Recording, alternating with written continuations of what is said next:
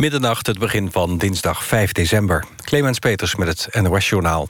Het Hoge Rechtshof in de VS heeft president Trump voorlopig toestemming gegeven... voor het omstreden inreisverbod voor mensen uit Tjaad, Iran, Libië, Somalië...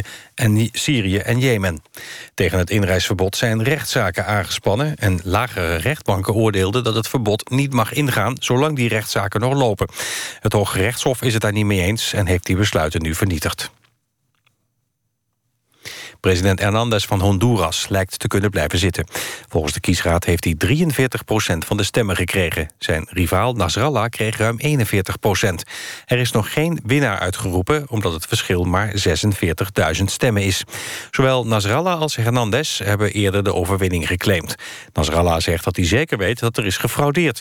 In Honduras zijn spanningen ontstaan door de kwestie. Protesten in de hoofdstad Tegucigalpa liepen uit op rellen. Burgemeester Bienans van Brunsum stopt ermee. In een verklaring zegt de CDA-burgemeester dat hij geen deel meer wil uitmaken van een gemeentebestuur dat de regels van integer bestuur aan zijn laars lapt. In de gemeenteraad van Brunsum zijn al langer irritaties en die kwamen tot een hoogtepunt toen een wethouder werd benoemd die al verschillende raadsleden had geschoffeerd en uitgescholden. Bienans wordt vervangen door oud-minister en oud-burgemeester Gert Leers. Natuurmonumenten vergoedt alle schade aan een vrouw... die door een Schotse hooglander werd aangevallen. De vrouw wandelde op de postbank in de buurt van Reden toen ze werd aangevallen. Ze hield er een diepe snee in haar buik aan over... waar ze nog steeds last van heeft. Het zijn onze beesten, dus het is onze verantwoordelijkheid, zegt Natuurmonumenten. Waarom het dier de vrouw aanviel is onduidelijk. De vrouw zegt dat ze niets geks deed. Het weer bewolkt en droog. Minima vannacht tussen de 3 en 7 graden. Morgen op veel plaatsen droog en vooral aan de kust wat zon. Met een matige zuidwestenwind wordt het een graad of 8. Dit was het NOS Journaal. NPO Radio 1. VPRO. Nooit meer slapen.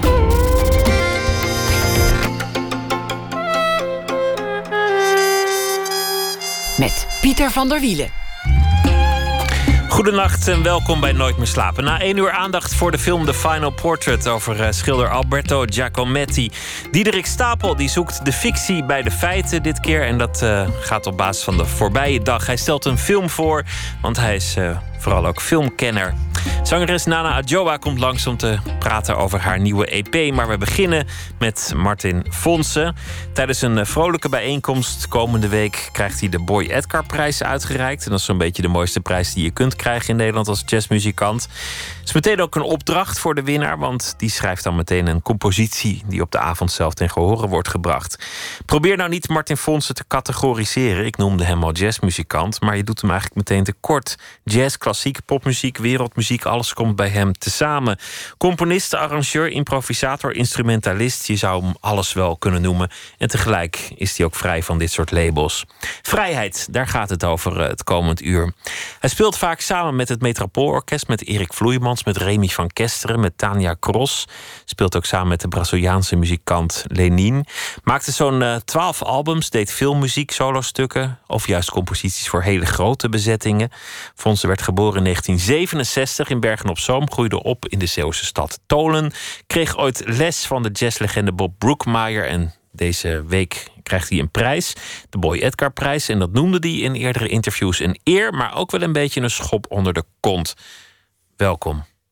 Dankjewel. Waarom een schop onder de kont eigenlijk? Nou, het is een, uh, het is, het is dan een soort oeuvreprijs. Maar goed, het is een soort uh, mid-career prijs natuurlijk. Ik ben nu 25 jaar uh, bezig als afgestudeerd muzikant. Dus ik vind het wel een mooie, een mooie um, eikpunt. Mijn, mijn eerste stappen in, in de wereld toen ik van school kwam. Dat is 25 jaar geleden. Um, en ik hoop natuurlijk nog 25 jaar door te gaan. Want uh, ja, als jazzmuzikant wil je natuurlijk niet op je 65ste stoppen. Dus het is wel een schop onder de kont om uh, inderdaad uh, door te gaan met het maken van muziek. Met het aangaan van muzikale betrekkingen. En ja, kijken of mijn nieuwsgierigheid nog steeds toereikend is om bezig te blijven. Het was, ook, het was ook een goed moment in die zin, die, die schop onder de kont. In zekere zin wel. Ik, uh, ik had al een soort plan om uh, tweede helft van 2018 um, een beetje een soort overzicht uh, tentoonstelling te maken van de muziek die ik de afgelopen 25 jaar gemaakt heb. Want er zit ook nog heel veel bij wat ik nog niet heb uitgebracht of wat er zit te wachten op goede opname. En dus ik was al een beetje aan het grasduinen in mijn eigen archief. En ik had al een plan om dat volgend jaar ja, beetje bij beetje uit te brengen. Maar ja, door deze prijs kwam het ineens in een soort stroom, stroomversnelling. En ja, word je eigenlijk eh, geconfronteerd met het feit dat je in een korte tijd die plannen in een mooie vorm uh, moet gieten, waardoor je volgend jaar, dus 2018, een tournee kunt gaan doen. Want dat zit er ook bij, bij die prijs, dat je een tournee krijgt aangeboden. En dat is natuurlijk prachtig. Maar dan moet je wel wat muziek hebben. Wat te bieden hebben. Een geweldige stimulans en een geweldige erkenning, lijkt me. Als, als ik kijk naar jouw loopbaan, dan heb je eigenlijk vanaf dat moment dat je noemt, hè, het, het afstuderen, zo 1995, 96, tot, tot, nou ja, tot heden doorgejaagd, gejakkerd. Heel veel verschillende dingen gedaan, heel hard gewerkt, heel veel gecomponeerd, veel verschillende projecten in alle genres. Eigenlijk haast onvoorstelbaar de, de vaart waarmee dat is gegaan. Ja, kijk, als, uh, als gezonde workaholic zie je dat zelf totaal anders natuurlijk. Hè. Je kunt altijd nog meer doen. Je kunt altijd nog, uh, nog uh, harder werken of dieper graven. Maar als ik er zo op terugkijk, ben ik het wel met je eens hoor. Het is, het is wel genoeg, laat zeg maar. Het is niet zo dat ik, dat ik, dat ik met de pet naar heb gegooid. Ik heb wel heel veel, heel veel gewerkt en heel veel gedaan. Maar ja, soms dan sommige dingen die gaan dan soms ook vanzelf. Je komt inspirerende mensen tegen die zelf ook ideeën meebrengen. En uh, je voelt je vrij om je eigen ideeën te delen. Ja, dat is een dermate stimulans. Dan gaan sommige dingen ineens vanzelf. En andere tijden waar je, waar je wat meer uh, aan het worstelen bent met de materie... of met het leven of met, uh, met wat dan ook... dan heb je het gevoel dat het allemaal stroperig gaat... en dat het niet opschiet en dat soort dingen. En dan heb je helemaal niet het gevoel dat je zo ontzettend veel gedaan hebt, weet je wel. Als je een dag gecomponeerd hebt en je hebt nog niet eens één maat dan denk je dat het allemaal weer voor niks is geweest. Maar goed, op een gegeven moment weet je dat je er ook weer doorheen komt. En ja, dat je keuzes maakt. En uh, dat, meestal hebben die tot het resultaat dat je dingen afmaakt. En dan heb je weer een stuk of een plaat of een. Je werd, dit, je werd dit jaar 50. is, is er eigenlijk ooit een moment van bezinning geweest? Een moment waarop het er niet was, waar, waarop je ja, de, de, de, de zuurstof kon binnenhalen die misschien ook nodig was om, om, om dit te doen? Zeker, zeker. Het is niet zo dat, ik alleen maar aan het jakkeren ben natuurlijk. En je hebt periodes waar, uh, zeker als je bijvoorbeeld uh, een groot stuk hebt geschreven, dan moet je daarna, en dat heb ik echt al geleerd hoor in het leven, dan moet je daarna ook even daarvan genieten. En moet je jezelf ook de kans geven om, um, als bijvoorbeeld een symfonisch stuk, daar ben je heel lang mee bezig. Dan heb je een hele korte periode van intense repetities met een orkest. Dan heb je een première. En dan is de adrenaline level, adrenaline level natuurlijk ontzettend hoog. Als je daarna de volgende dag meteen weer doorgaat met je volgende project... en niet geniet van wat je gedaan hebt, dan kun je er ook niet van leren. Dus ja, je, je moet, je moet er echt wel uh, tijd voor nemen. Ik ben daar niet super goed in, moet ik eerlijk toegeven. Als ik mijn omgeving zo'n beetje uh, moet geloven. Maar ik heb me wel aangeleerd om na, uh, ja, na, na een uh, periode waar ik hard heb gewerkt aan een bepaald project of een stuk of een cd, daar inderdaad wel van te genieten. En wat je ook zegt, je moet af en toe reflecteren en daar heb je tijd of ruimte of rust voor nodig. Ook als je er, zit, er zit altijd wel veel emotionaliteit in, in jouw muziek. Het, het is nooit muziek die gaat over de muziek zelf, over, over een technisch kunnen, over een muzikologisch experiment. Het, het gaat bij jou toch altijd ook, volgens mij, over, over de emotie, over, over de gevoelens, over, over je leven. Ja, wat niet wil zeggen dat ik niet geïnteresseerd ben in de technische kant van de muziek. Ik, ik vind het wel heel belangrijk om daar ook in bezig te blijven, in te blijven studeren en ook andere muziek te blijven luisteren en, en te blijven begrijpen. En, um, en te analyseren af en toe van goh, waarom klinkt sommige muziek zoals die klinkt. Of is het de combinatie van instrumenten? Is het de combinatie van het materiaal? Is het gebruik van toonladders of frequenties, weet ik het. Um, daar ben ik ook zeker in geïnteresseerd. Maar als ik dat dan als ik dan een keuze maak om met een bepaald soort experiment aan de gang te gaan, dan kan ik niet louter het experiment laten horen. Dan moet daar voor mij iets, iets bij. En of dat emotie altijd is, dat weet ik niet. Maar het kan ook een verhaal zijn. Hè. Het hoeft niet altijd per se een hele grote emotionele eruptie te zijn. Maar ik vind het wel belangrijk dat er nog iets uh, bij komt kijken dan alleen maar de muzikale, het muzikale materiaal. Het verhaal zelf, dat, dat moet er altijd nog, nog bij komen. Ja, voor mij, voor mij wel. Woensdag is, uh, is, is de grote avond. Dan kom je met die, met die compositie. Tegelijk een, een overzicht van alle dingen die je hebt gedaan. Een, een vastlegging van dit moment. Maar ook een reflectie op, op wat er de afgelopen jaren in je eigen leven gebeurde. Je, noemde het een, een, een, een zware periode in jouw leven. Ja, ik ben natuurlijk de eerste om dat nu meteen te bagatelliseren en. Uh, Want dat ligt in, in jouw aard. In, in, perspectief te plaatsen, want dat valt alweer mee. Andere mensen hebben het nog erger. Nou, het was een, laten we zeggen, op zijn zacht gezegd, een uh, uitdagende periode um, op, op, diverse, op diverse vlakken. En um, niet altijd was de concentratie mogelijk om muziek te maken. Of uh, als ik muziek maakte, dan vond ik het iets minder belangrijk. En um, ja, kon ik gewoon eigenlijk de concentratie niet voor opbrengen om lang genoeg met materiaal bezig te zijn dat, dat het wat werd. Maar uiteindelijk, um, ja, zoals het heel vaak in het leven gaat, kom je daar ook weer een beetje doorheen. En er waren gewoon een aantal dingen die liepen nogal parallel. En um, ja, soms dan, dan moet je daar ook eventjes uh, tijd voor nemen om dat op te lossen. En daar heb ik die tijd wel voor genomen. Je had, je had allerlei crisis aan de hand in je, in je eigen bestaan. Ja, dat was, uh, dat was een uitdagende periode. Ja. En op, op, privé, op privégebied, uh, misschien ook wel even op, uh, um, op professioneel gebied. Omdat je, als je dan minder tijd hebt om te focussen, dan is er ook wel weer dat je um, ruimte, ja, eigenlijk ruimte neemt om te gaan twijfelen. En als je dan ook nog moe bent of mentaal eventjes niet meer zo fris, dan, dan kan het er wel eens in een soort wat sombere uh, sombere uh, terechtkomen. Maar uiteindelijk heb ik altijd toch wel weer genoeg, ja, hoe moet je dat zeggen? Um, ben ik vindingrijk genoeg om daar ook ook weer uit te komen en toch altijd weer een deur open te doen. Als, er, als, er, als, als het lijkt dat er geen licht aan het eind van de tunnel is, is het eigenlijk toch altijd wel in mijn leven tot nu toe. Het, het grote cliché wil, dat, dat willen mensen denk ik ook graag zien van, van de muzikant die in, in periode van nood juist zich achter de piano neerzet en zijn mooiste album maakt. Dat, dat, is, dat is een soort uh, genot dat iedereen denkt te kennen. Van, oh ja, nou die heeft toch tenminste de muziek om zich te uiten. Maar, maar zo werkt het dus toch niet helemaal. Nou, um, ja en nee. Kijk, muziek heeft me natuurlijk wel erheen gesleept. Als ik op het podium stond, was ik eigenlijk gewoon altijd gelukkig. En ik had gelukkig vorig jaar veel speelde. Veel met Remy van Kesteren op tour geweest. En ook een aantal andere projecten kunnen doen. Um, dus ik heb veel gespeeld, veel muziek kunnen delen met het publiek. En daar was ik eigenlijk altijd uh, gelukkig die 90 minuten dat je zo'n concert speelt. Dus muziek heeft me er zeker heen gesleept. Maar als je even terugkomt op je vraag van, of op, je cliché van dat, uh, zeg maar, de getormenteerde geest en uh, de grote emotionele erupties van de grote componisten, dat die altijd maar um, samenhangen met hun, in ieder geval in mijn geval, uh, staat van zijn op dat moment.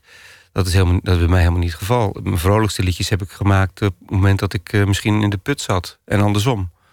En ja, dat, dat is niet altijd één op één uh, zomaar neer, te, neer te schrijven. Dat als je, als je in een moeilijke, zware periode zit, dat je dan de meest diepe stukken schrijft.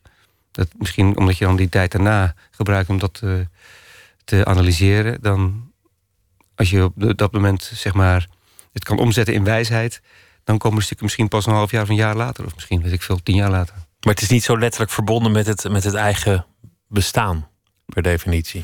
wel met het bestaan, maar niet één op één. Het is niet zo, uh, wat ik net zei, van dat als, als ik me slecht voel, dat ik dan een, uh, een, een triest uh, stuk schrijf. In die zin. Nee. Het, stuk dat, we gaan, uh, gaan beluisteren, wat, wat uh, ook deel uitmaakt van de compositie, dat is Card Games, Hearts. Een stuk over vriendschap, een stuk over liefde. En het had te maken met een, een vriend en een collega van jou die een, die een hartaanval had en daardoor niet meer kan musiceren.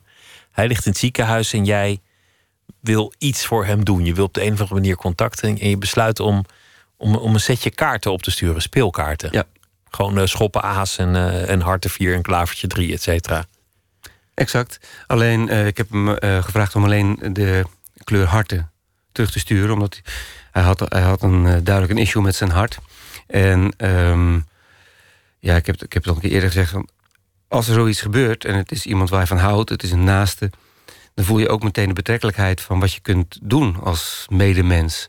En ehm, ik kon hem niet genezen. Ik heb geen idee hoe ik dat moet doen, weet je wel. Als muzikant kan ik hem geen nieuwe hartkleppen geven. Of, eh, eh, en ik kon er ook niet zijn. Want hij had ervoor gekozen om in isolement even dat te doorleven. En toen heb ik bedacht, nou ja, ik wil iets kunnen doen. Maar als hij het niet wil, dan vind ik het ook prima. Dus heb ik hem een, een spel kaart opgestuurd en gevraagd of hij, als hij zin had in een, in een stuk muziek van mij, dan mocht hij een kaart terugsturen. En dan op die dag dat ik zo'n kaart uh, ontving, dan schreef ik een, uh, een deel van die suite. En toen heb ik inderdaad uh, over een periode van een half jaar, geloof ik, steeds een kaart in de brievenbus teruggekregen. tot ik er dertien had. En toen heb ik, dat is de eerste suite geworden, toen heb ik Card Games Hearts geschreven. Dat is wat je voor iemand kan doen. Muziek maken, niet, niet zijn zijn hart repareren. Dat moet je aan de specialisten overlaten. Maar dit kon je dan tenminste doen. Het is zeer verstandig dat ik daar... Ja, het is heel verstandig, ja. Laten we luisteren naar uh, dat stuk Card Games Hearts.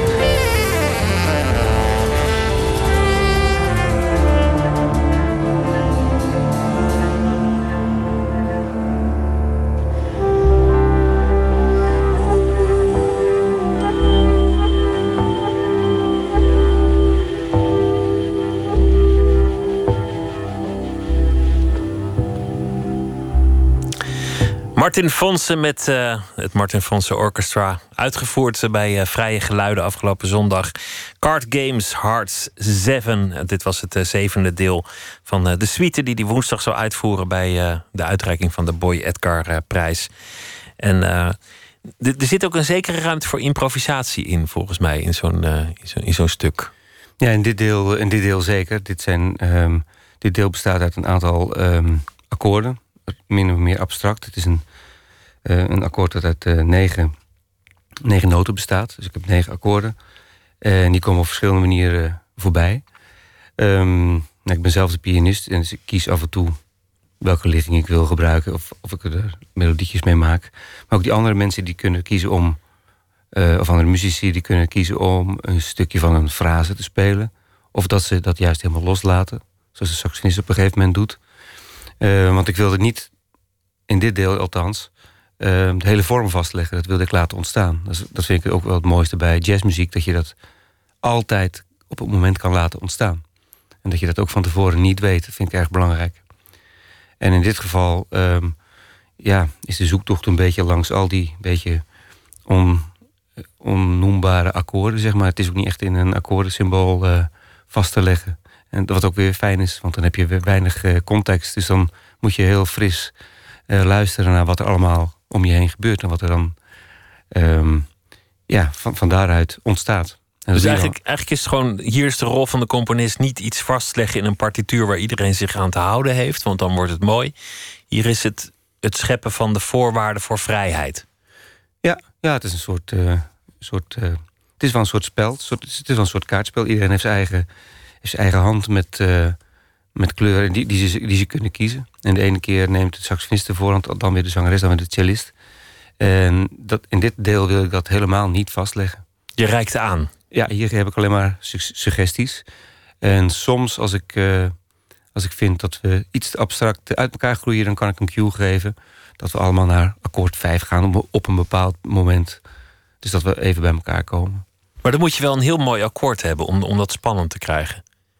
Is, heb, je, gaat het bij jou echt om een, om een akkoord? Kan je helemaal blij zijn met één akkoord? En gewoon een verzameling noten, kan, kan dat je al vrolijk maken? Zeker weten. Heb je ook favoriete akkoorden die, die, je, die je dan ontdekt? Ik heb uh, favoriete akkoorden, ja, dat heb ik zeker. Wat, wat is je favorietste akkoord? Mijn favorietste akkoord? Um, nou ja, kijk, zo, uh, zo oordelend wil ik ook niet zijn dat ik allerlei uh, akkoorden ga afschrijven. Want die, mensen, die akkoorden kunnen er ook niks aan doen. Want dat zijn ook alleen maar frequenties. Dus die, uh, in principe zijn die eigenlijk uh, uh, allemaal gelijk voor mij. En de ene keer heb ik wel een lichte favoriet. Het is misschien net als je kinderen of zo. Weet je. je kunt toch niet van je eigen kinderen zeggen... dat je je oudste dochter je favoriet is. Terwijl die tweede dochter er ook is, weet je. Dus ik, ik, ik zou wel een akkoord wat, me heel erg goed bevalt... is een, en speel je in je linkerhand speel je E groot. Dat doe je met Gies, E en B... En dan speel je rechts, speel je C mineur. En dat, dan krijg je een soort overmatig uh, akkoord... wat en majeur en uh, mineur tegelijkertijd... een beetje genderneutraal, of dan al tweeslachtig uh, akkoord... waar je op, op, verschillende manieren naar kan luisteren. De ene keer heeft, heeft dat majeur een beetje de, de boventoon... de andere keer het mineur. En dat geeft ook een soort frictie. En daar gebeurt iets in het midden van die klank wat, wat mij in ieder geval uh, beweegt, wat me, wat me raakt. En dan heb je pas één akkoord. Heb je nog niet een hele symfonie of een heel, uh, heel stuk geschreven? Nee, maar met één akkoord. Kijk maar naar de minimal music kun je gewoon uh, dagen door hoor.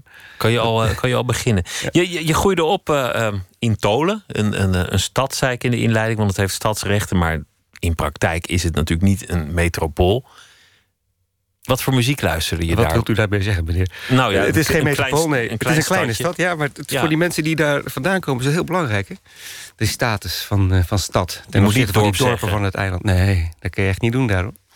Maar het is een dorp. Als je, als je er bent, heb je, heeft het alles wat een dorp heeft. Het, het, uh, iedereen kent elkaar. Het is, het is heel klein en uh, het is heel overzichtelijk. Um, kom je er nog graag? Ik, ik kom er wel graag.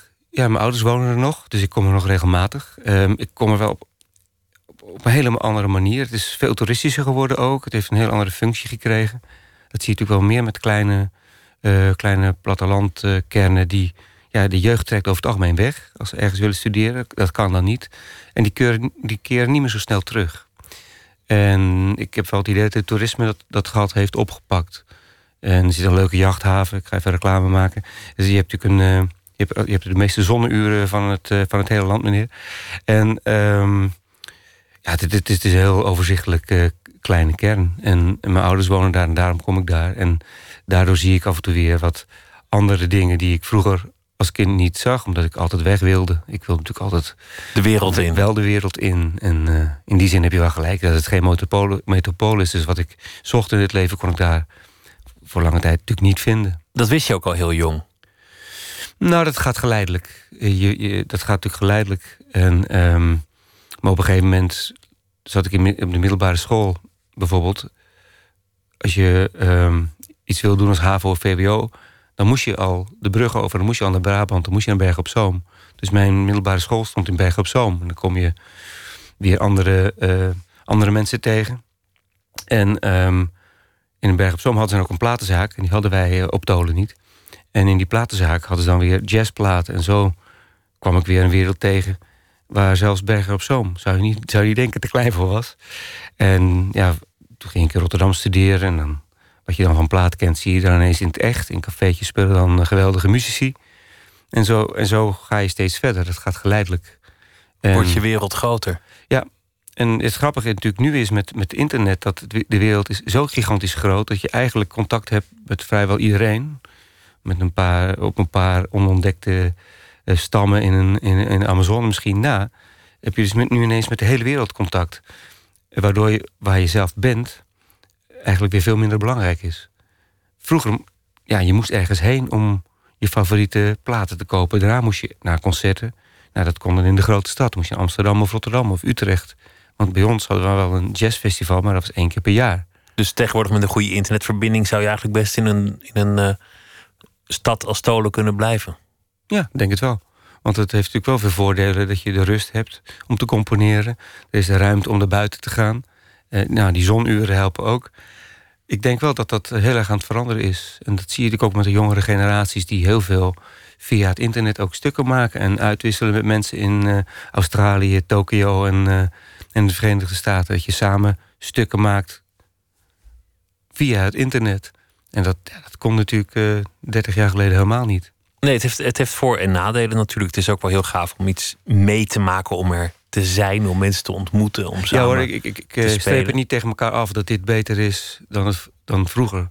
Kijk, dat, je, dat er nu zo ongelooflijk veel voorhanden is... maakt het ook ongelooflijk veel moeilijker om daar een keuze uit te maken. Voor de jongere generatie die heel veel kan en heel veel weet...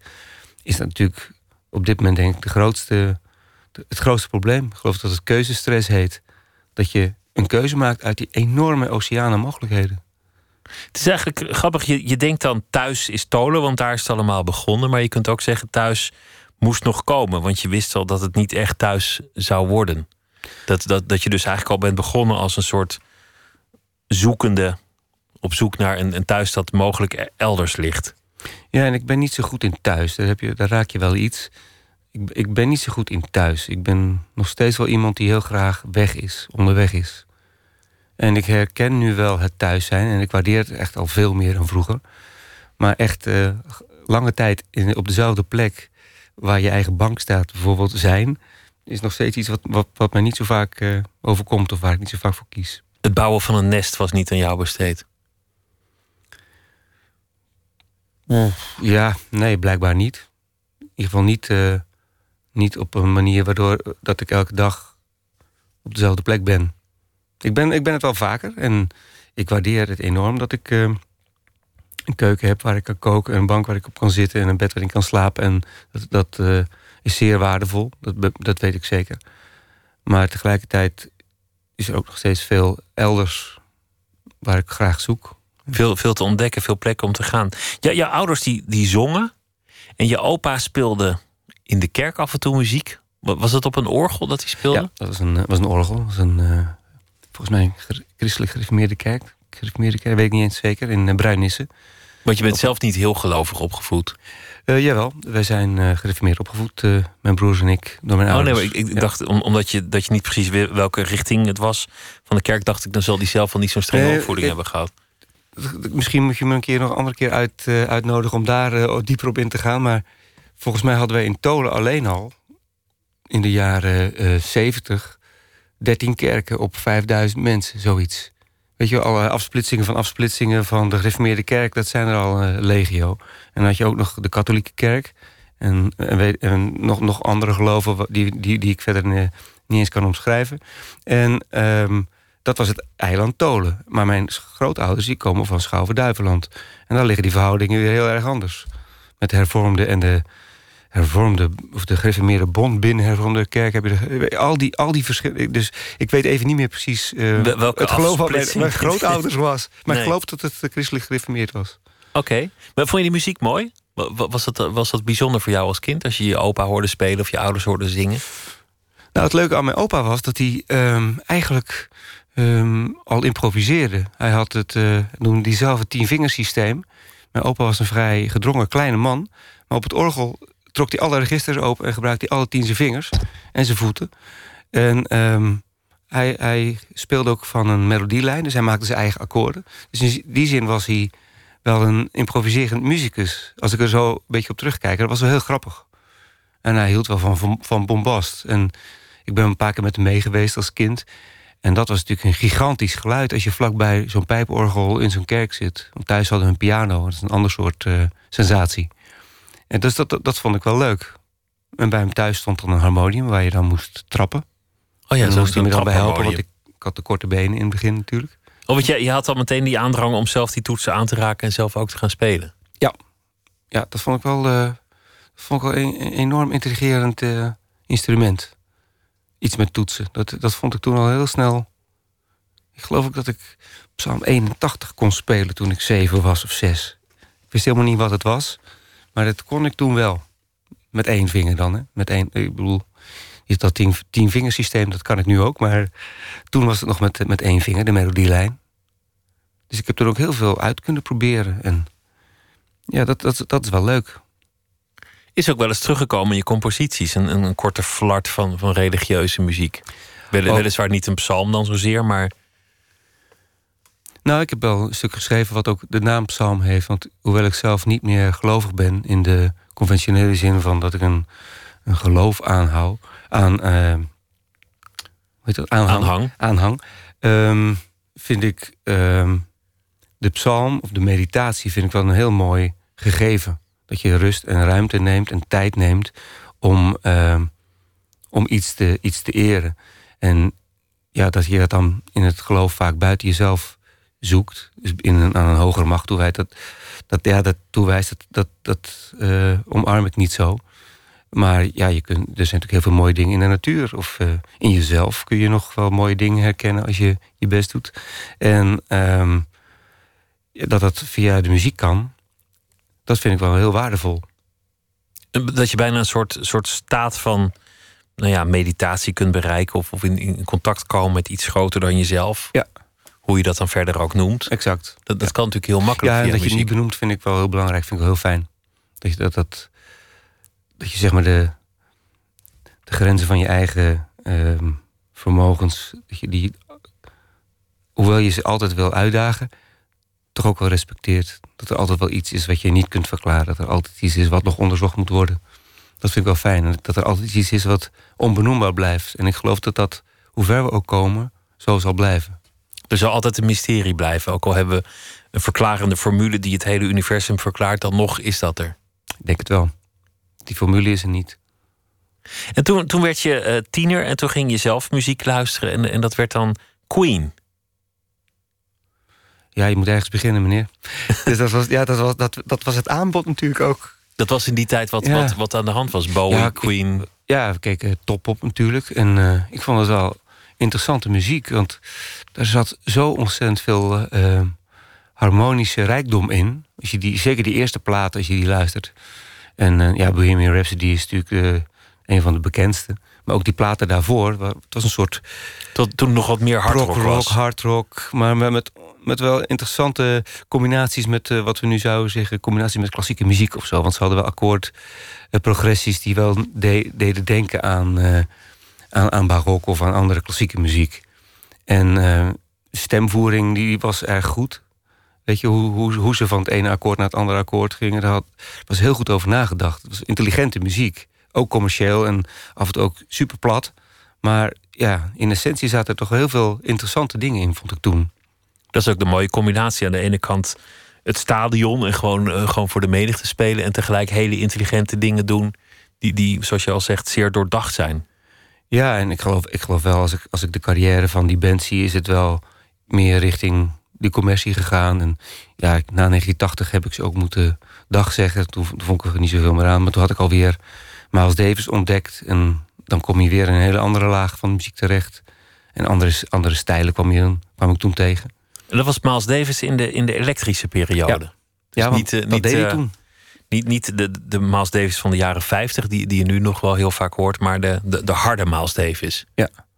ja, dat vond ik fantastisch. Met een band met Schofield. En, uh, en, Miles Davis speelde natuurlijk zelf toen met zijn rug naar publiek heel veel um, flarden over een soort groove die maar doordenderde met fantastische drummers. Weet je wel, met El Foster die dan... Ja, ik weet nog, die Decoy, die plaat, was de eerste die ik had. Echt fantastisch, die, die opzet. Het is niet normaal, die energie die daarvan afspat. En ja, dat wilde ik ook. En dan kom je ineens achter wie Miles Davis is. En dat is het leuke van platen.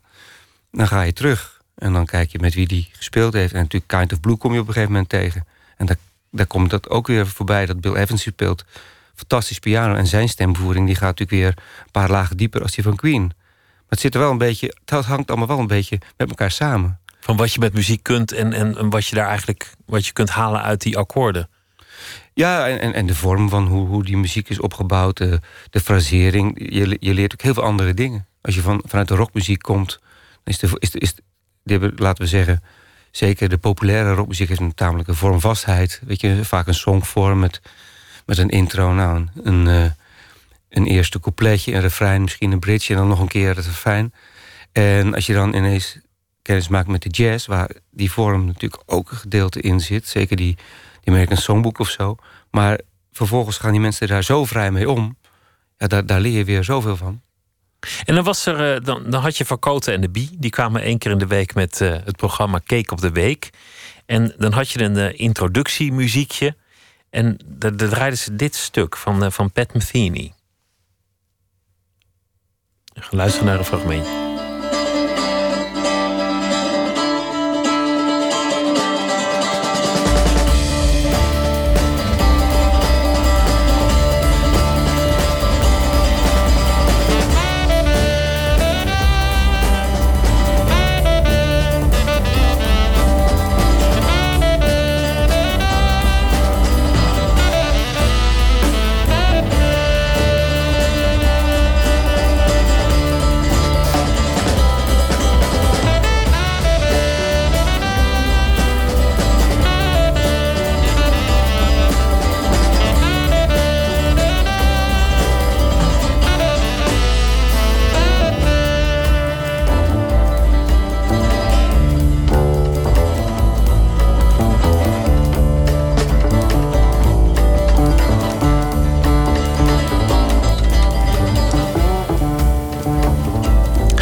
Metheny, dit, dit, dit, is nog maar, dit is nog wel uh, gewoon het, tuentje. Daarna wordt het heel wild, dit stuk. Ja. En, en tamelijk onbegrijpelijk. Dit wordt, uh, dit wordt wat mensen die niet van jazz houden, doet afschrikken, vermoed ik. Nou, toen ik deze plaat had gekocht, dus dit is de plaat 8081, een van de, nog steeds een van de beste platen die ik in mijn, in mijn collectie heb, denk ik. Ik heb hem ook helemaal grijs gedraaid, dus ik ken hem ook heel erg goed. Um, uh, daar zit inderdaad op een gegeven moment een, een, solo in van Michael Brecker. Ook een fantastische saxofonist. Um, die ik toen eigenlijk nog helemaal niet kende. Ik, ik kwam dus via die tune van, uh, van Cote and the Bee kwam ik, uh, kwam ik hierop. En dan op een gegeven moment ont, ontwikkelt die solo zich inderdaad in een richting die ik nog helemaal nog niet kende. En dat vond ik echt toen heel erg lelijk. En heel moeilijk te accepteren dat dit mooie liedje, want ik hou eigenlijk wel van melodische muziek eh, dat dat zo ontspoorde. Dus dan zette ik die plaat af als die solo te wild werd... en dan begon ik weer opnieuw met het liedje. Maar op een gegeven moment dacht ik van ja, als Pat Metheny... die ik heel erg hoog achtte toen, toen als, als die besloten heeft dat dit een plaat is geworden, zal er wel iets mee zijn. Ehm, waardoor het uh, betekenis heeft of waardoor, het waardevol is. Dus toen ben ik daar door die eerste uh, allergie of aversie heen gaan luisteren. En ja, gewoon ben ik gaan proberen die muziek te begrijpen. En dat mooi vinden eventjes een tijdje op een lager pitje te zetten. Om gewoon te kijken, ja, maar wat, wat gebeurt er dan?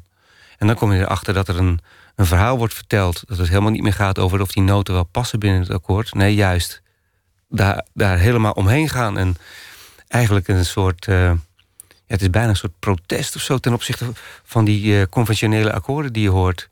En het is een ongelooflijk krachtig solo met hele sterke gebaren, met een fantastische techniek uitgevoerd.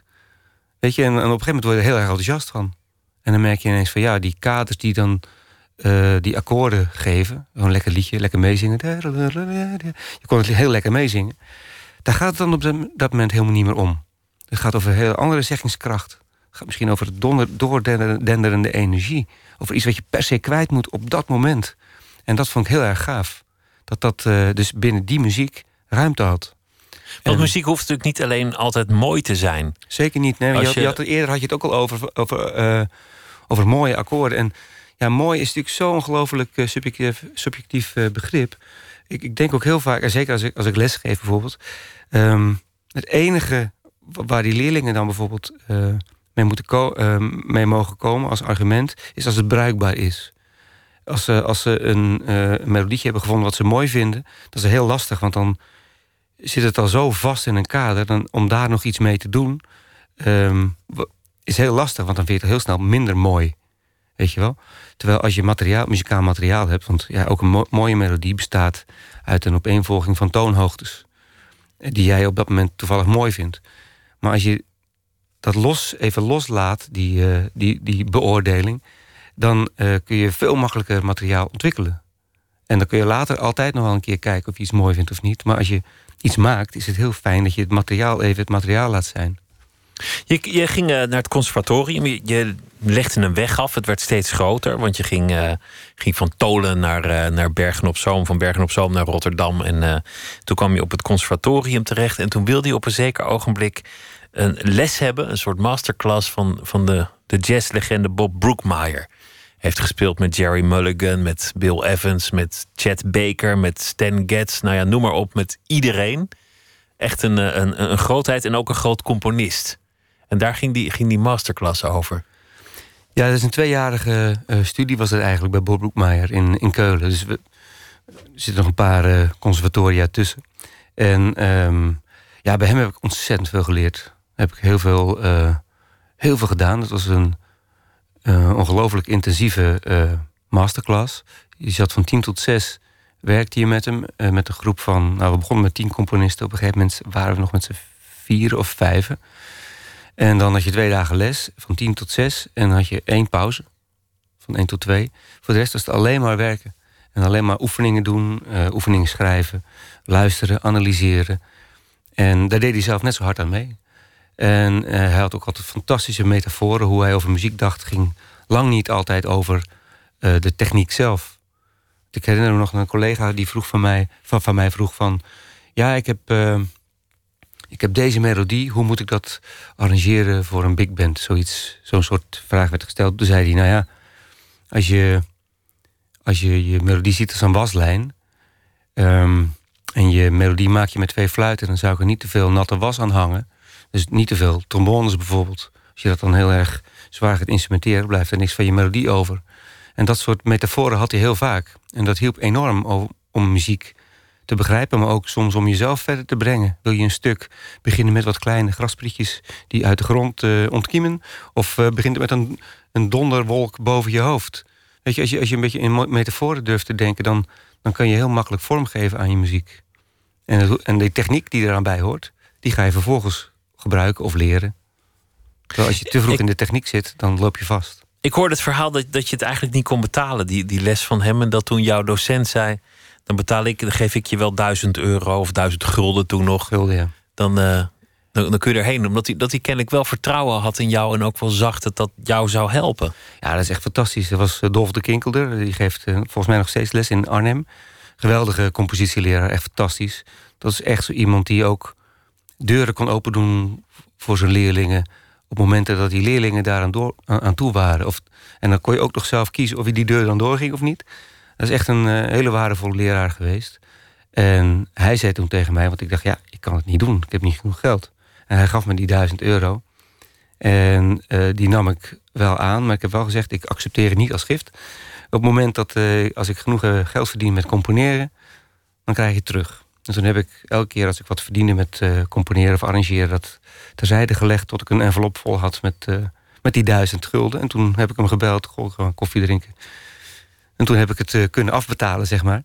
Maar, maar wat een bevlogen docent dat hij zijn leerlingen geld geeft voor, voor aanvullend onderwijs. Ja, maar het is echt heel belangrijk ook als les geweest voor mij om door te hebben dat de maakbaarheid van je leven, zeg maar, eigenlijk ook ontzettend beperkt is. En dat je, ont, dat je ongelooflijk veel te danken hebt aan het toeval of, of aan medemenselijkheid van, van bijvoorbeeld zo'n leraar. Dus dat heel veel dingen waarvan je denkt, god, heb ik goed gedaan het is eigenlijk ook gewoon toevallige samenloop van omstandigheden. En met hier en daar iemand die, die er iets in herkent. Je hebt het niet alleen maar zelf gedaan. Nee. En dat maar je bent, je bent zelf ook altijd, altijd heel betrokken geweest bij jonge muzikanten. Je hebt altijd veel met, met, met jonkies samengewerkt. Ja, zeker de afgelopen jaren. Toen ik uh, artistiek leider was van het Nationaal Jeugdorkest. En wat ook een ongelooflijk luxe positie is. Want dan, dan krijg je 25 mensen in je schoot geworpen... die al heel goed kunnen spelen en al op conservatoria zitten of zelfs al klaar zijn. En um, die dus al heel veel kunnen. En ja, dat, dat is echt geweldig om, uh, om die te begeleiden. En misschien voor hen deuren open te doen via mijn eigen muziek. Om te laten zien hoe ik het doe in ieder geval. En dan mogen zij zelf altijd nog een andere keuze maken. Maar die twee jaar dat we samen waren met die, met die groep, is er wel heel, heel veel gebeurd. Zie de muziek natuurlijk ook wel leuk met, met, met jonge mensen dat ze nog, nog alle kanten op kunnen. Dat ze nog niet gevormd zijn, dat ze nog niet helemaal denken te weten hoe het zit. Dat, dat, helpt inderdaad. Dat, uh, ze zijn ook niet, nog niet teleurgesteld door, uh, door de magere betalingen die ze de komende twintig jaar gaan krijgen. De, door weet ik veel wat voor andere problemen die, uh, die, die zeg maar je van het muzikale af, afbrengen. Want studeren is eigenlijk een, een hele luxe periode waar je met allemaal gelijkgestemden, zonder al te veel geld zorgen, fantastische eh, muziek kunt maken de hele dag. Weet je wel? Eh, daarna krijg je toch ook andere zorgen. En eh, daarom is het heel fijn om met mensen te werken die al hun tijd nog kunnen besteden aan muziek maken. Dus ook die flexibiliteit kunnen omzetten in uh, tijd maken om iets nieuws te leren. Dus als je met iets komt wat ze nog niet kennen, dan hebben ze ook werkelijk de, de mogelijkheden om daarin te duiken, wat met professionele muzikanten soms niet is. Als je gezin hebt of een, of een baan, ja, dan is ook logisch dat je dan minder tijd over hebt. Brazilië is een uh, belangrijk land voor jou en vooral ook vanwege de muziek. Je werkt veel samen met uh, Lenine, een uh, belangrijke Braziliaanse muzikant. Ook een componist, heeft gecomponeerd voor Gilberto Gil bijvoorbeeld en andere grootheden daar. Jullie hebben een project samen gedaan, The Bridge, en daarvan draaien we dit nummer en dat heet A Cosa e Oppo.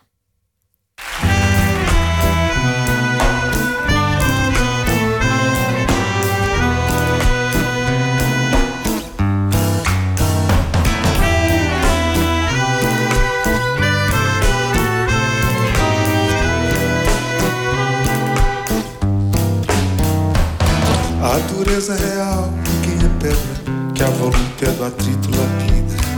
Esse brilho tenaz que quase cega, é ventura do ventre da viril. Quem dirá migalha de sol, que o brilho é teu apogeu, se ofuscado no caldo das estrelas.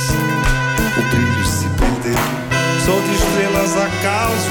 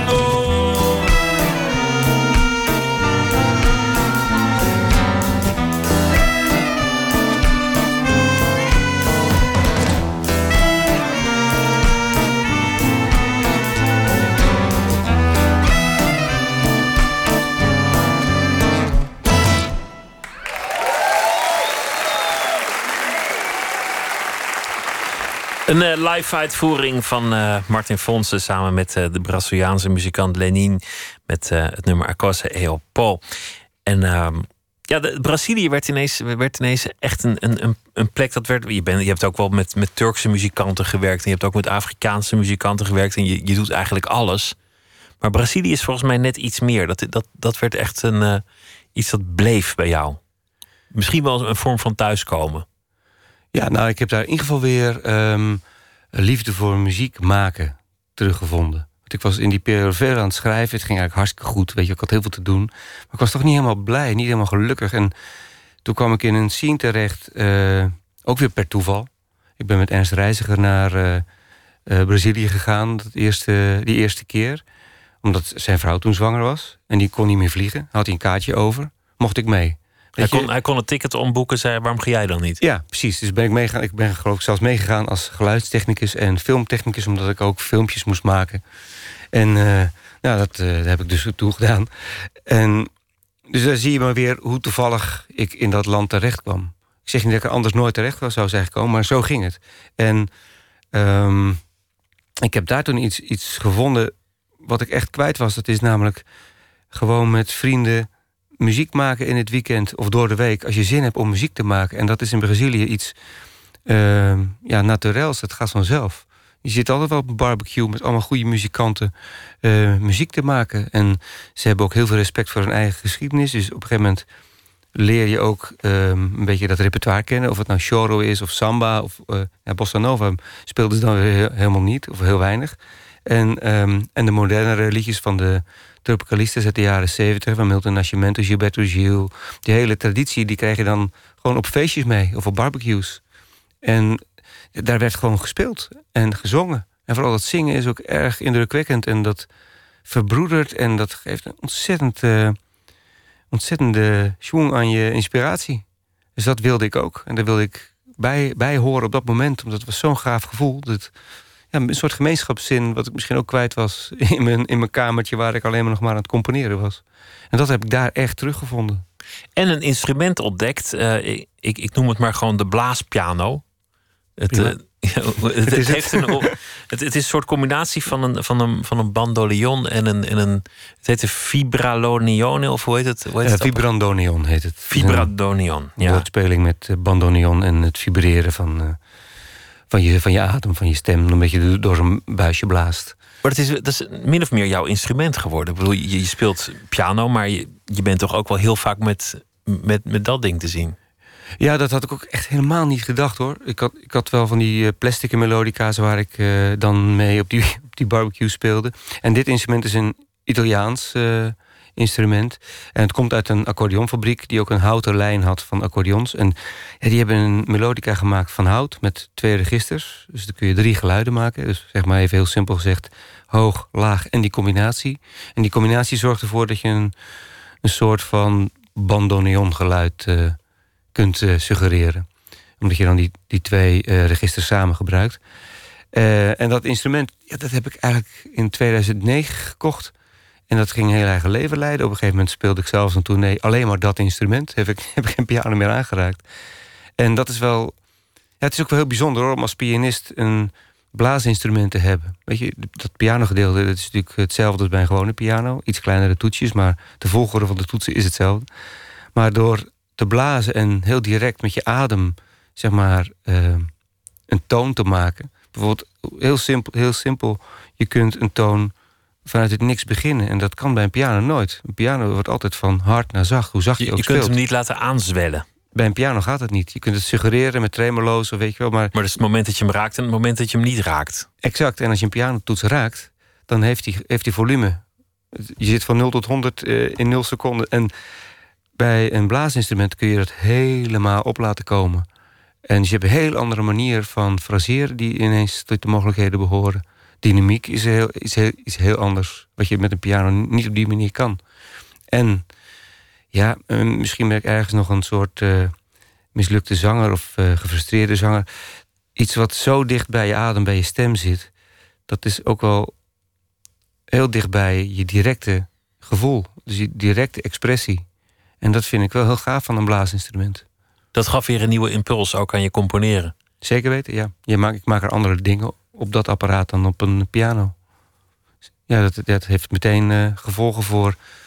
eh, omdat je, denk omdat je bewuster bezig bent met, ehm, met de ademhaling, fraseer je je bogen anders, maak je andere melodieën. Op een piano kun je natuurlijk altijd door. Weet je, je dat maakt het niet uit waar je ademt, je, vingers gaan wel door. En ik ben er gewoon wel weer bewuster van geworden hoe, hoe dat zit. Met, eh, met mel- mel- melodieën maken bijvoorbeeld. Wat, wat ik eigenlijk leer over jou is dat, dat, je, dat je niet op die plek kunt blijven. Ook niet muzikaal. Dat als jij, als jij een tijd lang iets doet en het gaat heel erg goed, dat dat automatisch een soort crisis wordt. Er moet een nieuwe impuls komen, er moet een nieuwe ontdekking komen. Dan pas, dan pas ben je weer fris en lukt het weer en, en ben je weer tevreden. Het is niet helemaal zo, denk ik. Ehm, hoewel ik het nog steeds heel erg een prettige sensatie vind als er weer een keer iets is wat ik nog niet ken. Of waar je door weer geïnspireerd raakt. Of dat je weer om een hoekje kijkt. Dat je denkt, oh, is dat er ook nog? Ehm, maar het is, het is wel zo dat door al die eh, ontmoetingen die je dan hebt, of die nieuwe dingen die je leert kennen, dat neem je wel met je mee. Het is niet zo dat ik eh, niet tevreden ben met wat ik heb. Er komt gewoon iets bij. En dat combineer ik dan weer met wat ik al weet.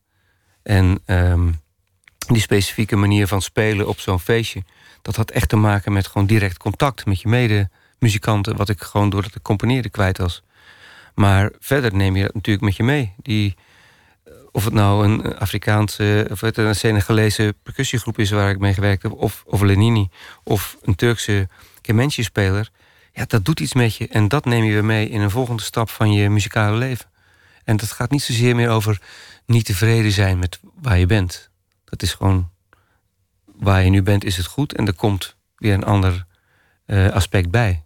Dus zo ervaar ik het nu. Vroeger was ik misschien juist wel daarmee bezig. Van het moet verder, het moet door, het moet door.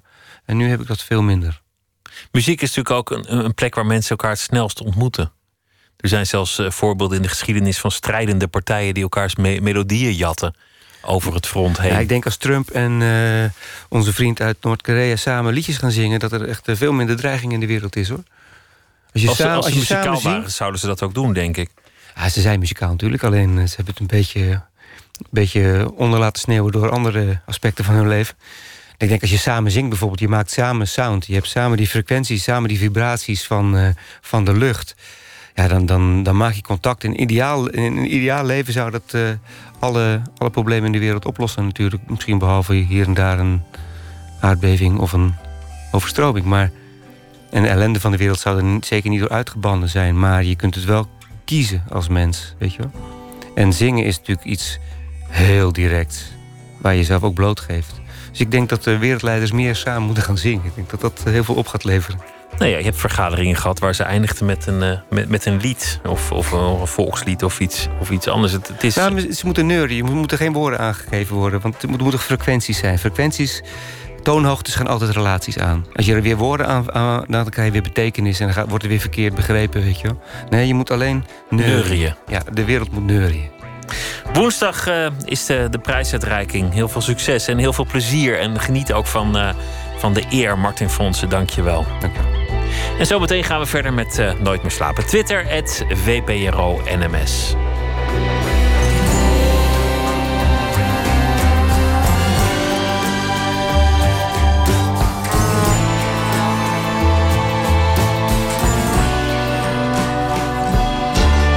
Radio 1, het nieuws van alle kanten.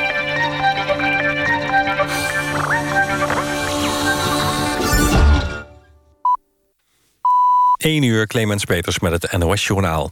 Het Hoge Rechtshof in Amerika heeft president Trump voorlopig toestemming gegeven... voor het omstreden inreisverbod voor mensen uit Tjaad, Iran, Libië, Somalië, Syrië en Jemen.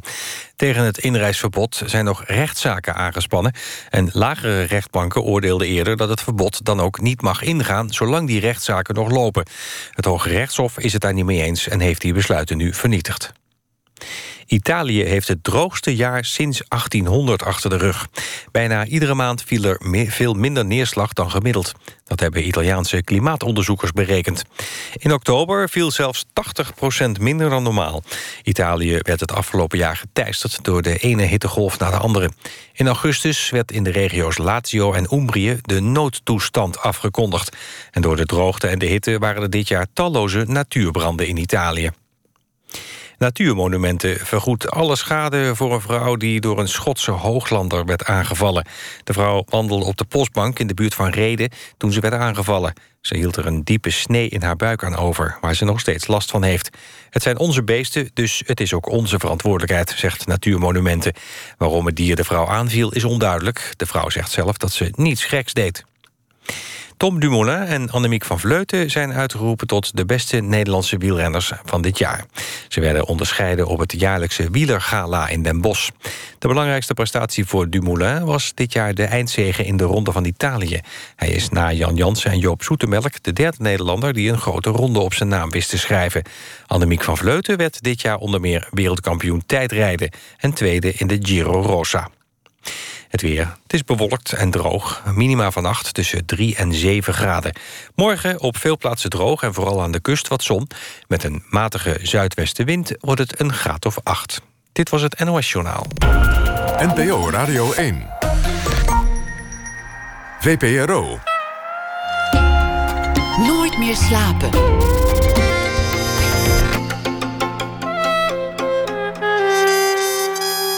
Met Pieter van der Wielen. De film Final Portrait over uh, Giacometti. Vooral bekend van zijn uh, lange, broodmagere, bronzen figuurtjes. Daarover gaat het zo meteen. Nana Adjoa komt op bezoek. Haar uh, nieuwe EP is verschenen. Down at the Root Part 1. En Diederik Stapel houdt zich deze week bezig met fictie en werkelijkheid. Hij zal een film uitkiezen bij de voorbije dag. En draagt dat voor in de vorm van een verhaal.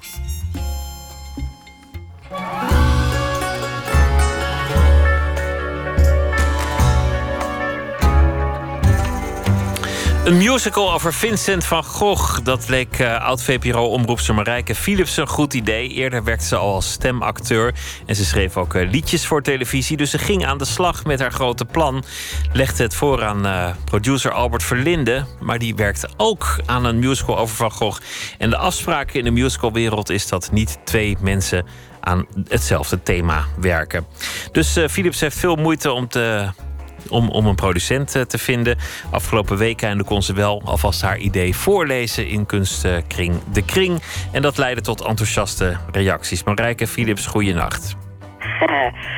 Pieter van der Wielen, goeienacht, evenzeer. ja, het begon allemaal in 2006. Toen was er al het idee en, uh, voor, voor, een, voor een musical over Vincent van Gogh. Wat, wat nee, heb je... dat was al eerder hoor. Ik ben al in twee... Als je het over mij hebt, ja? dan, uh, dan was het al in 2003. In 2003 kwam het idee. Ja. En toen ja, ging je schrijven? Toen was, er, toen was er geloof ik in 2005 was er een Van Gogh-jaar. Oh ja, dat klopt. Ja. En wat, wat is de eerste keer dat je, dat je tegen iemand in het vak het erover had... en het wat serieuzer werd? Nou, ik heb, uh, ik heb eerst naar Van der Ende ben ik gegaan, naar Alsmeer. Daar heb ik niet gesproken. Toen had, was net ene Bart, die had hier de Cats naartoe gehaald. En met die jongen heb ik gesproken toen. En uh, dat is ook een musical uit uh, Engeland waarschijnlijk. En die, toen kreeg ik te horen dat uh, Van der Ende daar niks voor voelde voor Van Gogh. Toen heb ik het in 2006 aangeboden aan Verlinde. Dat was nummer twee. Aan Albert Verlinde? Ja, aan Albert Verlinde, ja. En die vond het nodig om het ogenblikkelijk over te nemen. Nou, dat zeg ik toch netjes, hè. Toen was het ineens zijn idee? Ja, dat was absoluut toen ineens zijn idee. Ja. Hij heeft het ge geclaimd, zoals dat heet. Dat, en, en dat is een klein groepje uh, theaterproducenten die zitten in een verenigingetje, in een branchevereniging, de VVTP. Die noemen zich uh, Vereniging Vrije Theaterproducenten. En de afspraak is dat als ik iets claim, dan mag jij er niet aankomen. Zo werkt het in de musicalwereld, dat niet twee producenten over hetzelfde thema tegelijk ja, een, een dus musical maken. Bellen, maar tegelijkertijd sluiten ze dus de auteur uit. Maar dat betekent dus dat, dat, dat zolang dit gaande is, jij nooit die, die uh, nee. voorstelling over Van Gogh kunt maken? Nee, nu is het langzamerhand wel een doorbraak. Dat wil zeggen, nu hebben we wel...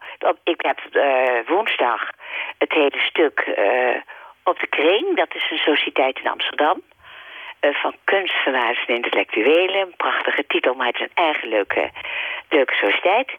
En daar had de voorzitter mij gezegd... nou, kom het dan maar weer ons op, op, op, opvoeren. Nou, ik was doodzenuwachtig dacht, dan zou het van mijn acteertalent afhangen dat men, ja, dat mijn levenswerk, want zo kan het langzamerhand wel doen, noemen, wel eens niet uh, op ooit een bühne vindt. Dus je hebt het daar voorgelezen? Dus, dus niet een, een, een, een, een uh, voorstelling met een volledig decor of zo, maar gewoon een lezing? Ja, ik liep heen en weer. Ik speelde het een beetje. En we hebben alle liedjes opgenomen. Paul Stoppelman en ik heeft de muziek gemaakt en ik de teksten van de liedjes. En die hebben we iets van vier jaar geleden al opgenomen met professionals, met mensen die heel goed kunnen zingen uit de musicalwereld. Dus die cd die, had, die, die, die was er. Nou, die heeft de technicus uh, op de op de plaat gewoon neergelegd. En iedere keer als ik met, met mijn hand zwaaide, dan drukte hij een knop in en kon het volgende liedje uh, horen. Een lovende reactie van Kester Freriks uh, onder meer. Ja, fantastisch hè. Ik, ik, heb het, ik heb hem nog niet geschreven. Dat, ik heb hem nog niet geschreven wat een schande is. Ik vind het zoiets waanzinnigs. Ik vind het ook zo ontzettend leuk. De laatste keer dat er een recensie over mij was wat opvoeren betreft van iets was in 1974. Kan je dat voorstellen? Oh, daar zit wel, zit wel even tussen. Ja. Ja. ja. Maar nog even over die voorstelling van, van Albert Verlinde. Want die kwam wonderlijk uh, kort na jullie ontmoeting op, het, op hetzelfde idee. Lijkt de voorstelling die hij heeft geproduceerd op de voorstelling uh, die nou, jij wilde ik, maken? Ik zou me niet verbazen. Ik heb natuurlijk niet, uh, ik heb geen idee wat hij gemaakt heeft. Maar hij is er nou al elf jaar mee bezig. Dus ik denk niet dat het veel soeps is geworden. Want anders stond het al, had hij toch al uitge... Was hij, had, draaide het al lang. Maar dat is niet zo. Iedereen, hij is nog, hij is mee bezig. Nu is hij nog bezig met de muziek. Ach, het is allemaal de bedoeling dat ik mijn mond hou of hield. En daarom is het zo ontzettend leuk dat Harm Botje, uh, die onze voorzitter is op de kring, tegen mij zei, ga het maar doen om, mij te helpen. Dat er een beetje reuring komt en dat ik een producent vind. Iemand die vrij is van stage entertainment. En ook uh, van de VVTP, van die club, kleine clubje producenten. Dus, dus het zoeken is naar een producent? Ja. Je zou ook uh, naar het buitenland kunnen gaan. Het gewoon naar het Duits vertalen of, ja, of het Engels. Ik heel langzaam, sorry dat ik in de reden val, heel langzaam gedurende die elf jaar begon het mij te dagen. Dat ze allemaal stuurden ze terug. En ik begreep niet waarom. Je krijgt er een minderwaardigheidscomplex aan. Je wordt er dood, heel erg is dat. Je wordt gewoon koud gesteld, je wordt uh, ja, geboycott. En toen uh, hebben we ge uh, nog even gepraat over Engels. Maar toen heb ik het door iemand in Duits laten vertalen. Want Duitsland was zo dichtbij. Helemaal vertaald. Vier ook vertaald. En, maar ja, ik ben geen producent. Dus ik, ik, ik had niks aan die vertaling. Ja. Er moet een producent komen. Nou, ja. wellicht dat het allemaal weer wat, uh, wat vaart krijgt na deze uh, lezing in, in de kring. Marijke Philips, dank je wel. Goeienacht. Ja, dank je. Dag.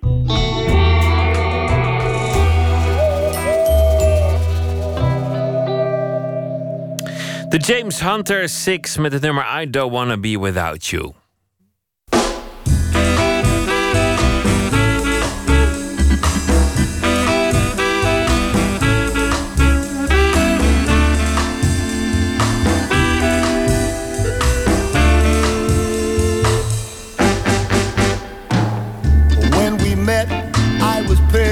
Set in my ways.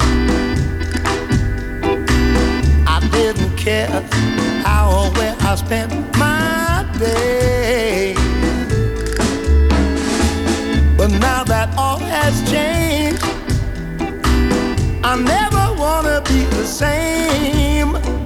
Love you so that all I know is I don't wanna be without you, baby. Like before. Oh. I don't wanna be without you, baby. No more. I confess I could have cared less at the time.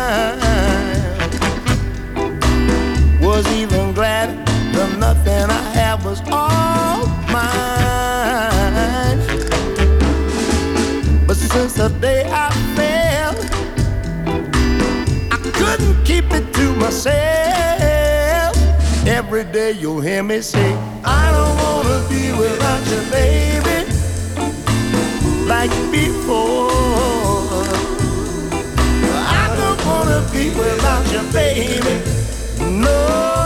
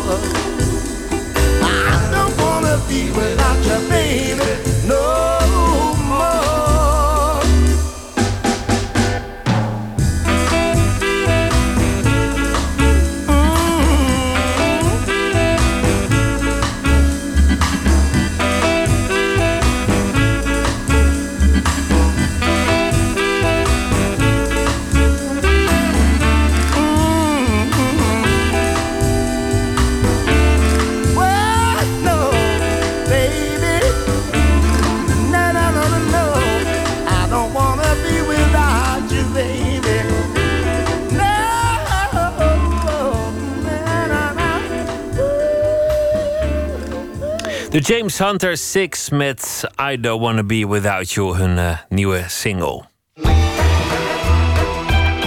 Nooit meer slapen. Een nieuwe speelfilm eh, Final Portrait over Alberto Giacometti, de kunstenaar. Geregisseerd door acteur en regisseur Stanley Tucci.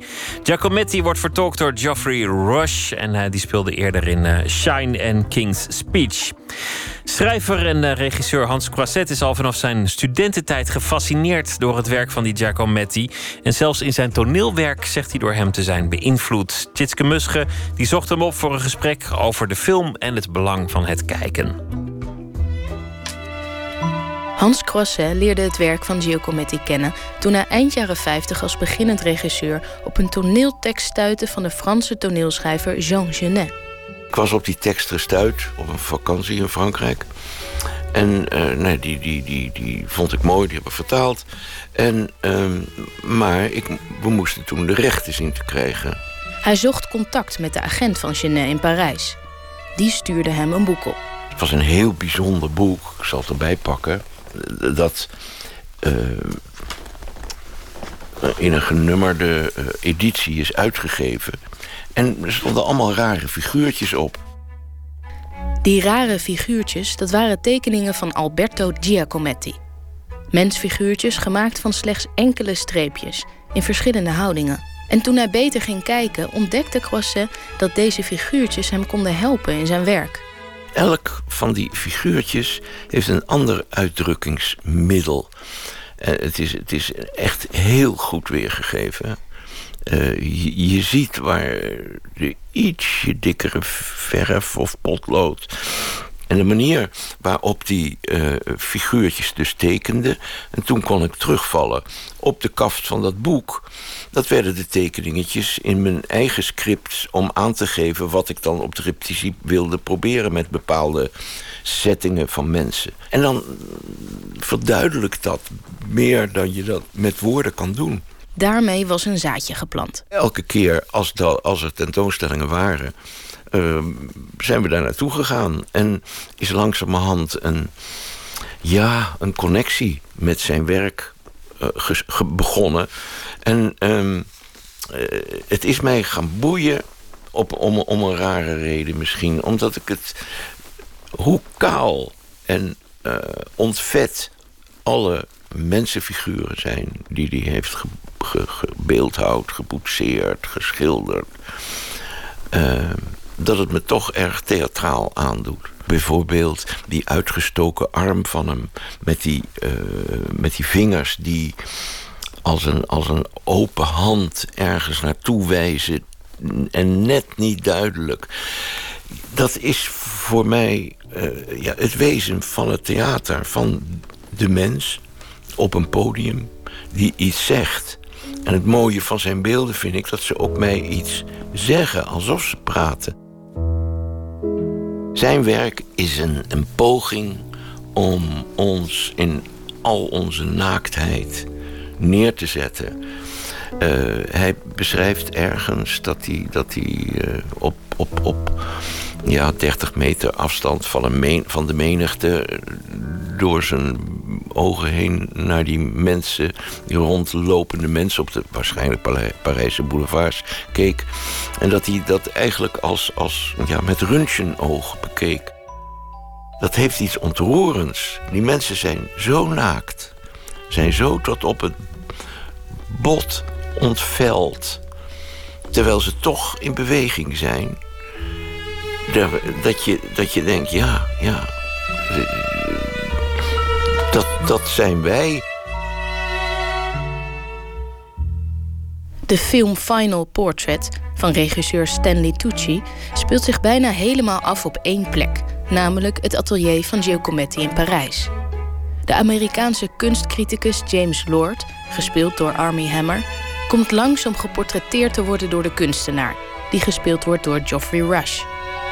Een waar gebeurd verhaal. In 1964, I was a young writer living in Paris. I'd written a few articles about Alberto Giacometti, who was one of the most accomplished and respected artists of his generation. I'd become good friends with Giacometti and his brother Diego, and one day after an exhibition, he asked me to sit for a portrait. He told me it would take no longer than two to three hours. An afternoon, at the most. Maar uiteindelijk moet Lord steeds weer zijn vlucht cancelen... omdat het portret nog niet af is, volgens Giacometti. Oh, fuck! Wait, you can stay, right? I was supposed to leave tomorrow. Oh. No, but I, I could, uh, another day, or...? A, a, day or two at the most. And then if it doesn't turn out to be any good, uh, I can give up painting forever. De film werd geprezen in de buitenlandse pers. Terecht vindt Hans Croisset. De acteur die Giacometti speelt... dat is een gelijkenis uh, alsof je Giacometti zelf ziet. Ja, en, Godfrey Rush is dat, ja, hè? Uit, uh, ook van de on, King's Speech. Ongelooflijk. Dat is, uh, ja... Ik, heb zelden zoiets gezien dat ik dacht... Oh, is, er, is, er, is er toch een stiekem film gemaakt tijdens zijn leven... die nu als documentaire getoond wordt. Het is, het is fabelachtig. En meestal vind ik films, ook toneelstukken... over kunstenaars die met hun kunst bezig zijn... vind ik heel lastig, omdat je ja, die kunst ja, die kan alleen maar in het atelier of in het hoofd van de echte kunstenaar zitten. Als je dat moet gaan spelen, is dat, is dat gauw pretentieus. Maar dit is zo, zo vroetend dat, je er ook, dat ook die man voor mij een Oscar mag krijgen.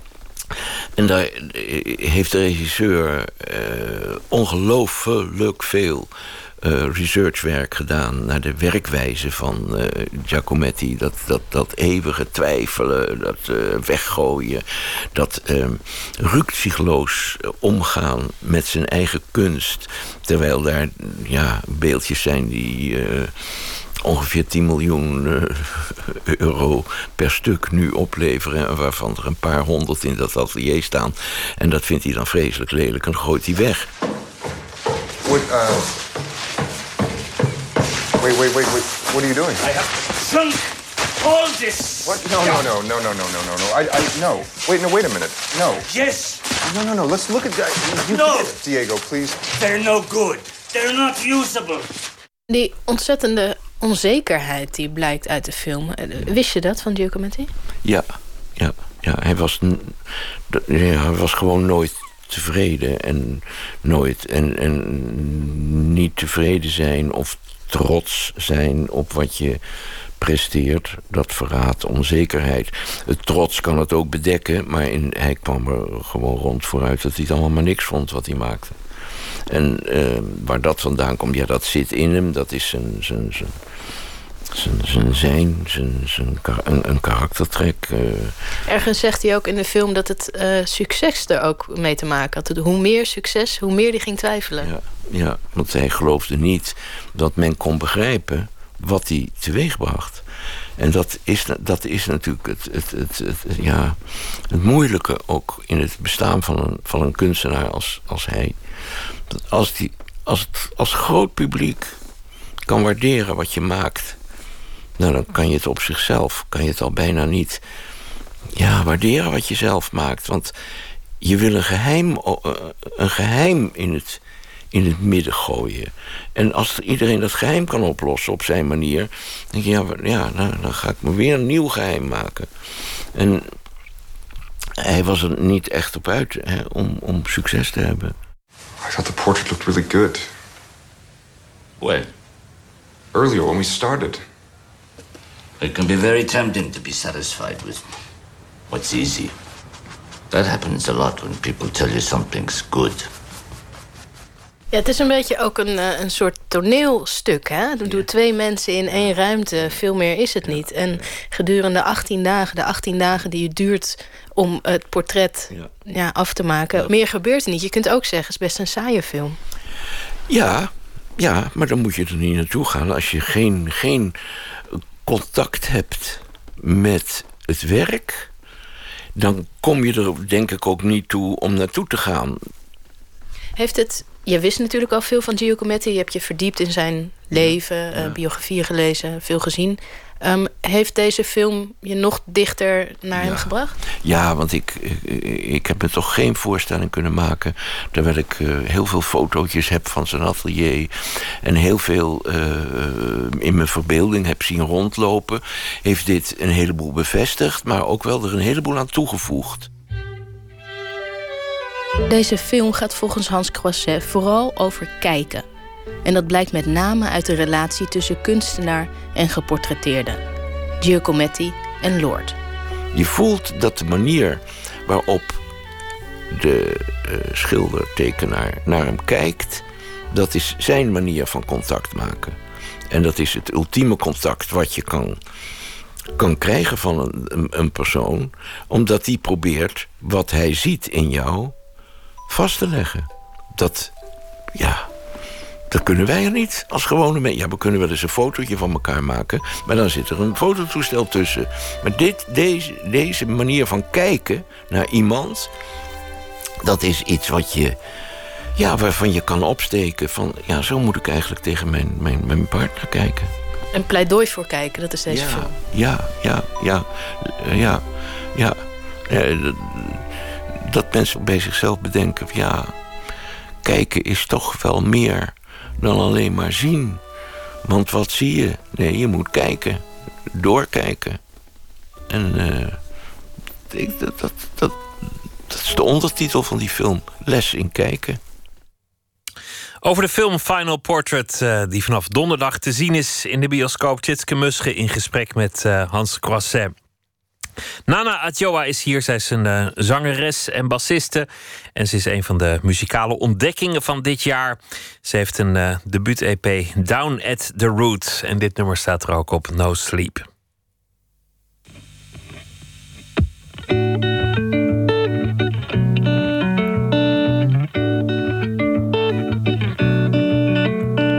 Both eyes closed, no past a thousand sheep. But in and outside this head, nothing will stop. And it's alright. The early morning always comes through and wakes you from those dreams too soon. So I broke my clock, but the ticking won't ever stop. It's alright. These great times praised as golden. You and I both know they're over. Honey, it's over.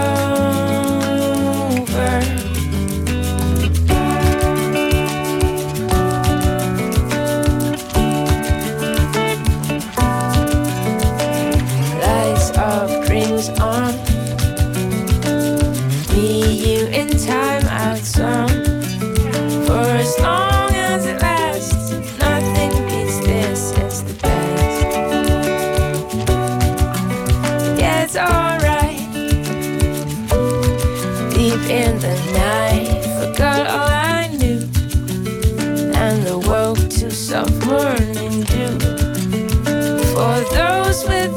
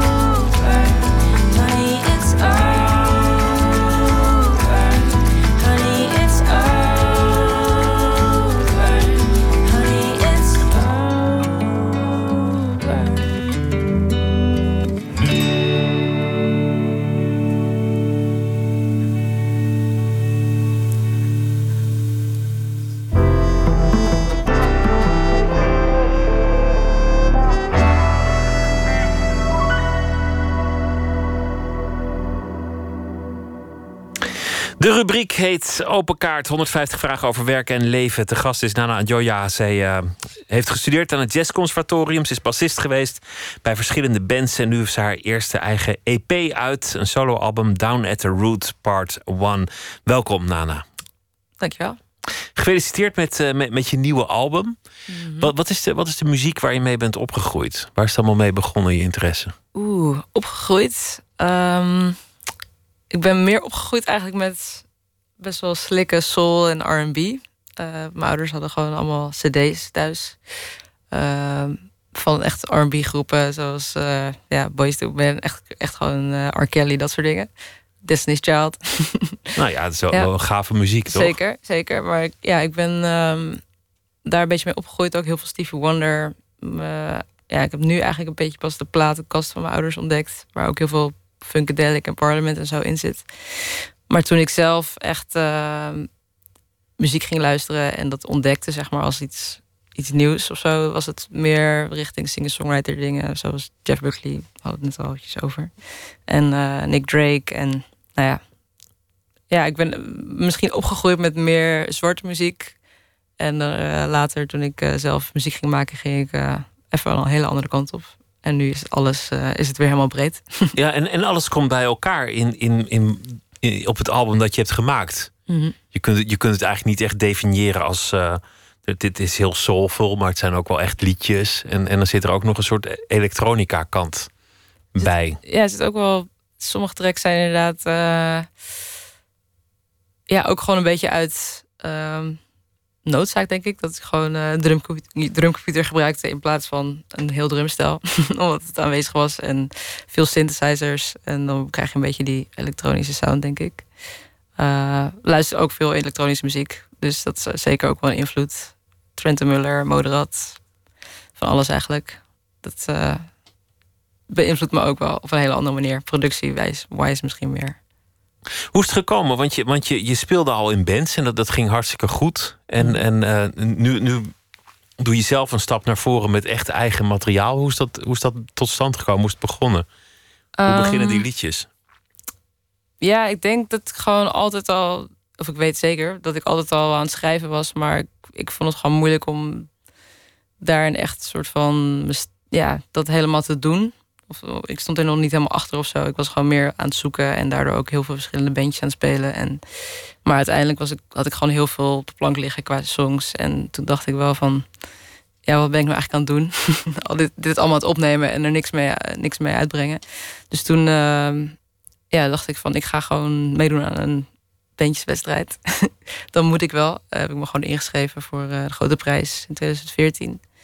En toen ben ik op zoek gaan naar een band omdat ik was geselecteerd, dus toen moest ik wel. En toen uh, ja, ging ik al die songs een beetje uitpluizen van wat ik nou had gemaakt over de afgelopen paar jaar. En uh, ja, toen ging ik dat gewoon live spelen. Zo is het een beetje gegaan. En toen, uh, nou ja, het, het, liep heel goed af, de grote prijs van Nederland, uiteindelijk. Ja, ja was, het is best een korte periode, maar je bent heel erg dan opeens inderdaad in die andere rol bezig. Dat je opeens vooraan het podium staat en dat je de bandleider bent. En ja, dat was heel erg leuk eigenlijk. Het ging allemaal heel goed. En uh, we stonden uiteindelijk in de finale. En dan sta je in Paradiso. En dan sta je dat opeens te doen. En dan voelt het eigenlijk helemaal goed. Dus het was uh, een hele goede ervaring. Ja. Hoe componeer je? Um, ik heb nog niet echt een vaste methode of zo. Ik, meestal schrijf ik wel eerst de muziek. Uh, ben ik gewoon een beetje aan het aanklooien eigenlijk in de studio. Ik heb nu voor het eerst eigenlijk eindelijk mijn eigen studiootje. Maar eerst was het dan mijn slaapkamer of ergens in de repetitieruimte. En dan was ik gewoon een beetje aan het aanklooien. En dan had je gewoon iets, heel veel voice memo's op je telefoon van melodietjes. En uh, ja, teksten los. En dan op een gegeven moment dan heb ik een gevoel van wat de muziek betekent in. Kan ik iets meer onder woord brengen en dan ga ik daarna een tekst erbij schrijven.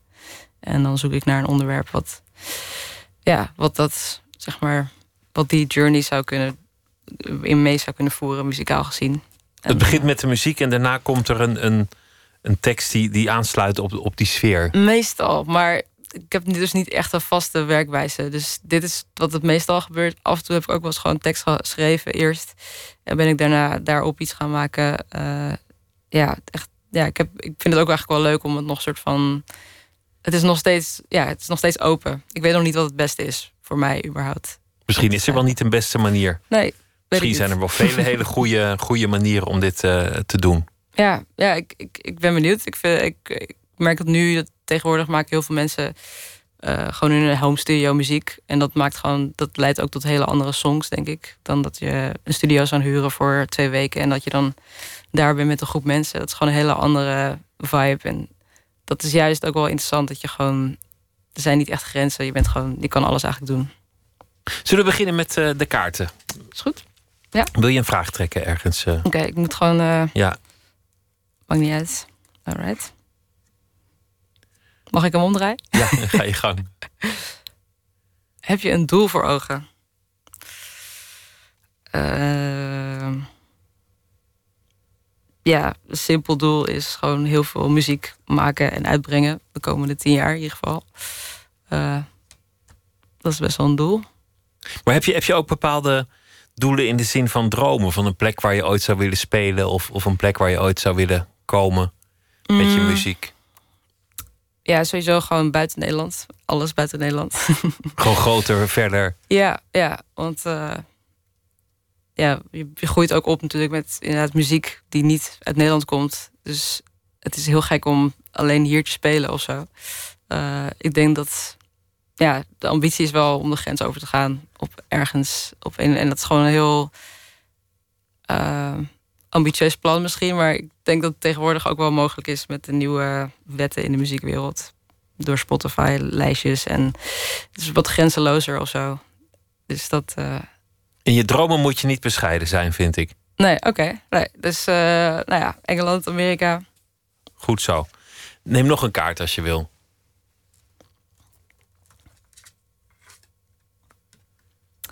Kun je goed afscheid nemen? Ehm, ja, volgens mij wel. Heb je al vaak afscheid genomen? nou, ja, dan moet ik eerst denk ik gelijk aan afscheid van iemand die overlijdt of zo. Dat heb ik nog niet heel veel meegemaakt. Eh, wel is. Eh, maar dat was ook misschien een, gewoon een mooie ervaring. En verder afscheid nemen, ja. Ik weet niet goed wat dat betekent eigenlijk. Je neemt afscheid misschien van vrienden Nou ja, op een gegeven moment. Van dingen, van gebruiken, van mensen, van, eh, van plekken. Ja, waar ik nu nog van afscheid heb genomen zijn misschien dingen die, zoals gewoon eh, je middelbare schooltijdwerk, eh, je conservatoriumtijdwerk, eh verhuisd naar Amsterdam. Dus ik ben opgegroeid hier in de buurt eigenlijk, vlakbij. Dus het is ook niet echt afscheid, neem je dan niet echt. Dus- Van Hilversumse Meent naar, naar, naar Amsterdam. Klopt. is niet in een hele grote, grote Nee, stad. ik ben nog. ook nog eens begonnen in Amsterdam. Dus ik ben opgegroeid in de Bijlmer en toen naar de Hilversumse gemeente gegaan. En nu ben ik weer terug in Amsterdam. Dus het is niet heel veel, niet echt afscheid genomen van iets eigenlijk. Misschien ben ik toch niet zo goed in als ik dacht. Je weet het nog niet. Nee, Laten we er nog één doen. Ja, iets meer achterin. Wat is je dier, dierbaarste bezit? Ehm, nou, dat is wel eigenlijk eh, mijn allereerste basgitaar. Want die is van mijn moeder geweest. Mijn moeder speelde basgitaar ook. In, eh, eh, mijn moeder is Nederlands, mijn vader is Ghanese.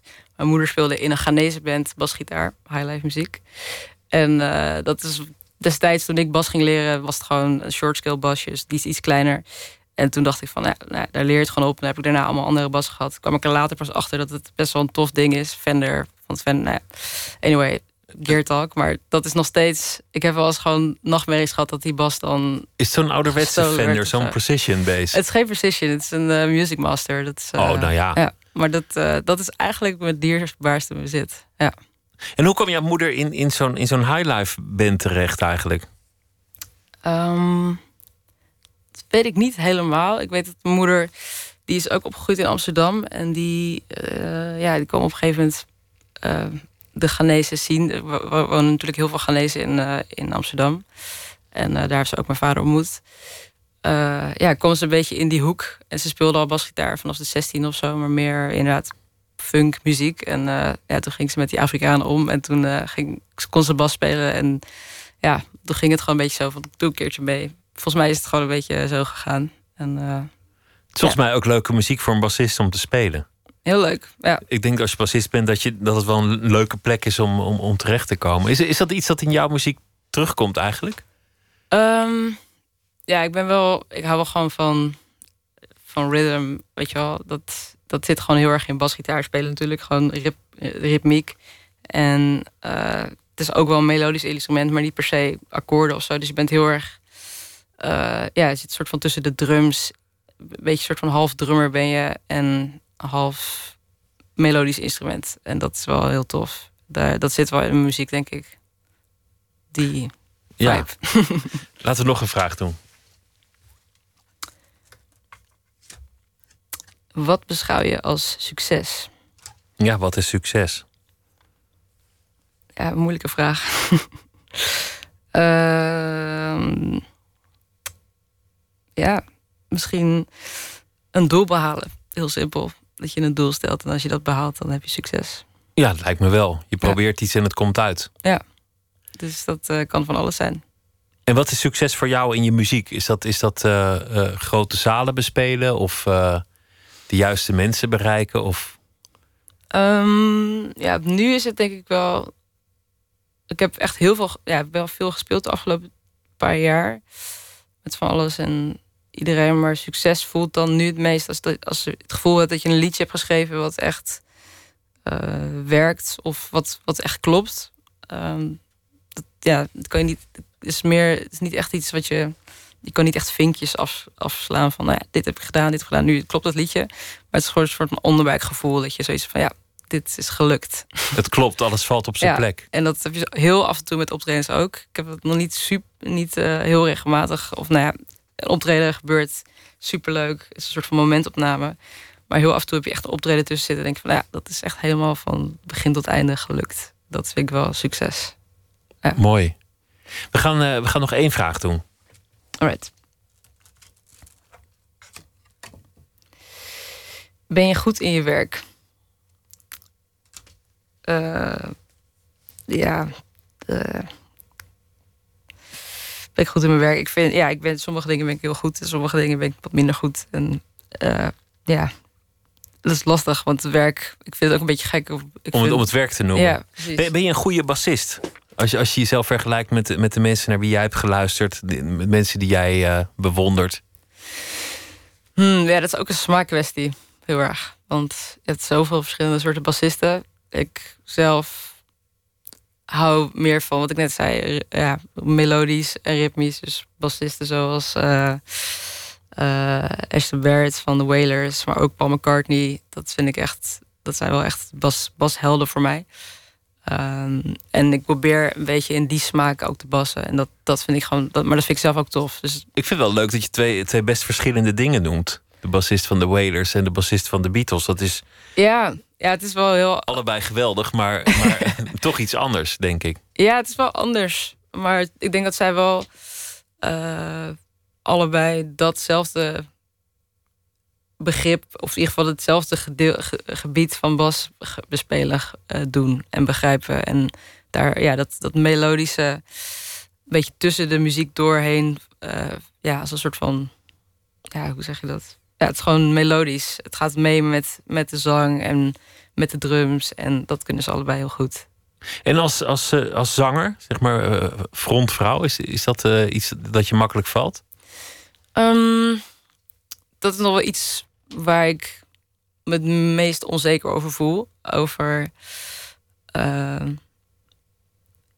ja, echt. Ja, een soort van de mensen vertellen wat je, wat je wil zeggen. In plaats van op de achtergrond dat tentoonstellen. Echt een verhaal vertellen. Ja, en mensen daar echt gewoon in mee durven nemen. En alles wat erbij komt kijken is best wel.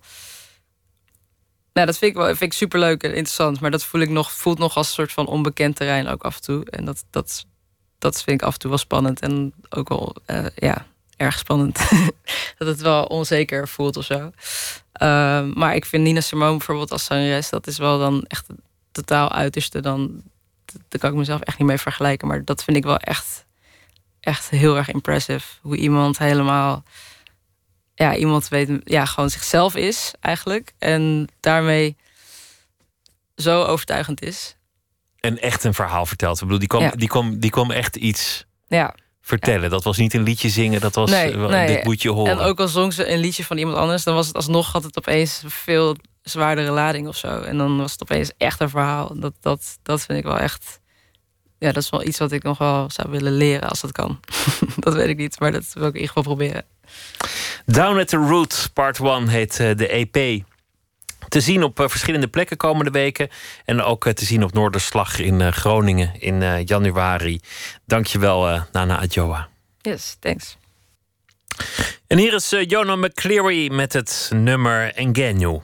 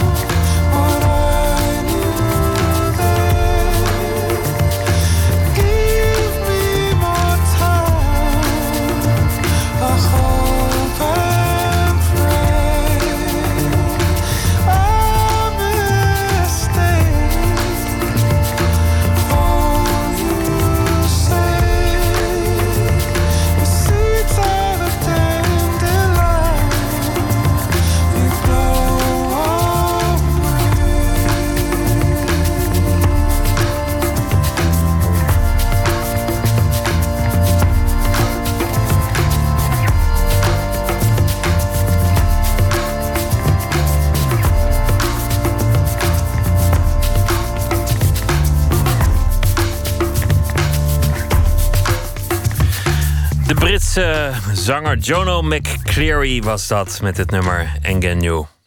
Eén minuut gemaakt door Niek de Vries. Deze heet Boek. Pst, één minuut.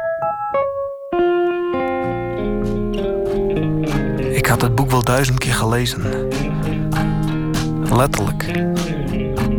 Duizend keer. Heel veel werk. En toch kon ik mijn broer, toen hij terugkwam van zijn reis we met z'n allen in de kleine achterkamer zaten, er niks over zeggen. Er hing een gekke sfeer. Niet een sfeer om te vertellen. Ik liep maar rond, van de tafel naar de keuken. En op het laatst vertrok ik naar mijn kamer. Ik ging liggen op bed, nam het boek las het nog een keer.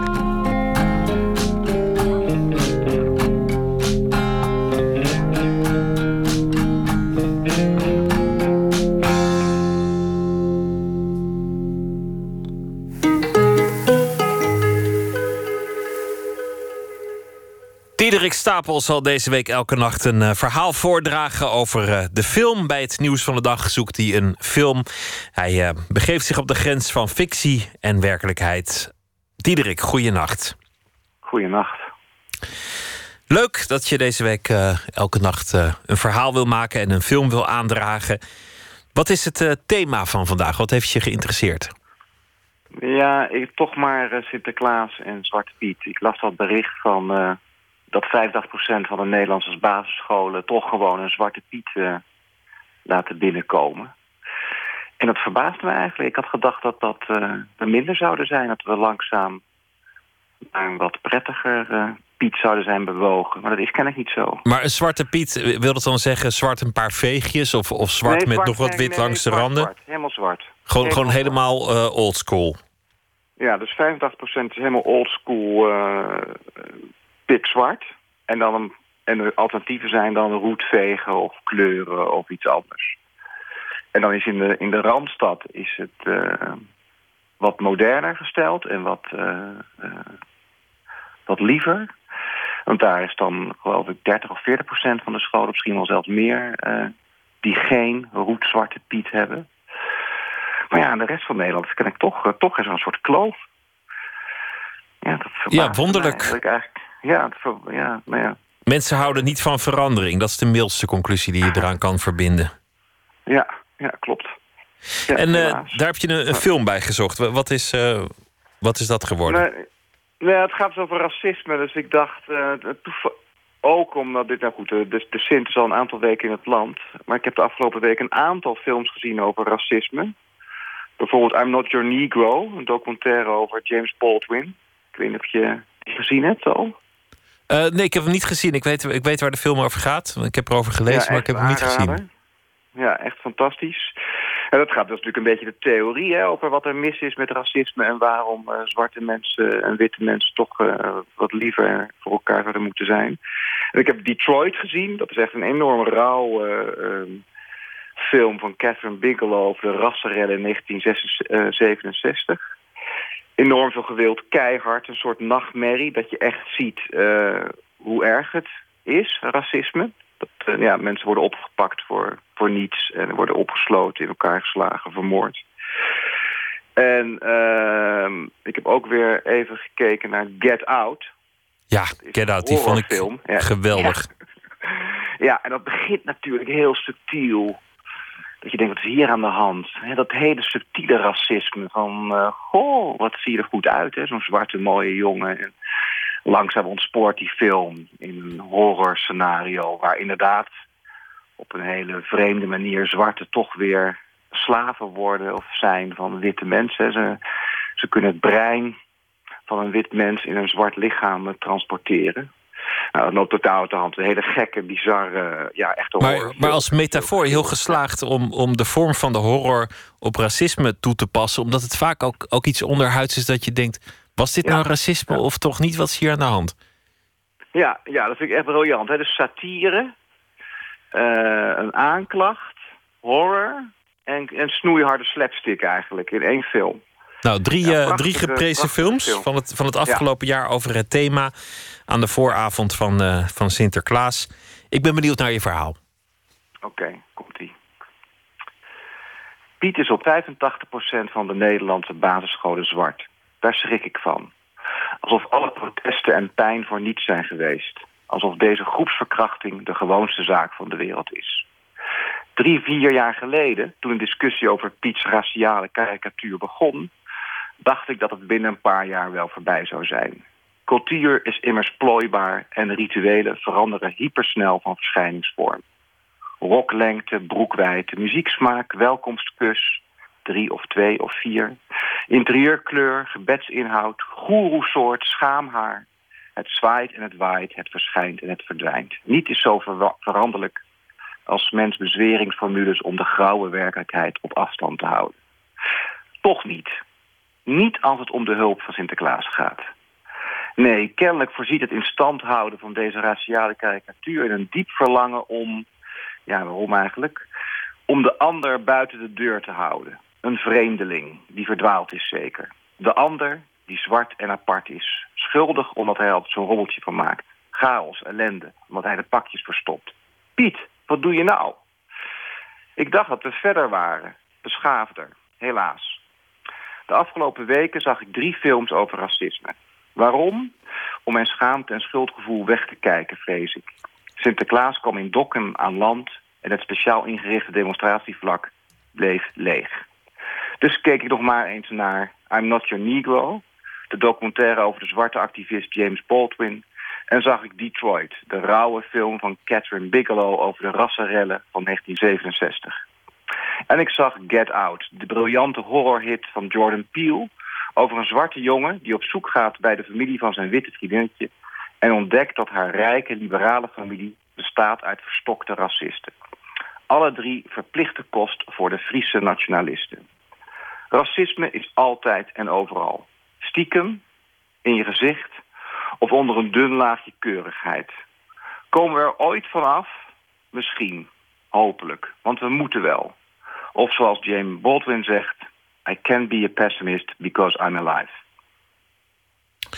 Drie uh, grote geprezen films van het afgelopen jaar over het thema racisme. Op de dag dat bekend werd dat, uh, ondanks alle protesten en alle commentaren, 85% van alle Pieten nog steeds zo zwart is als, uh, als altijd.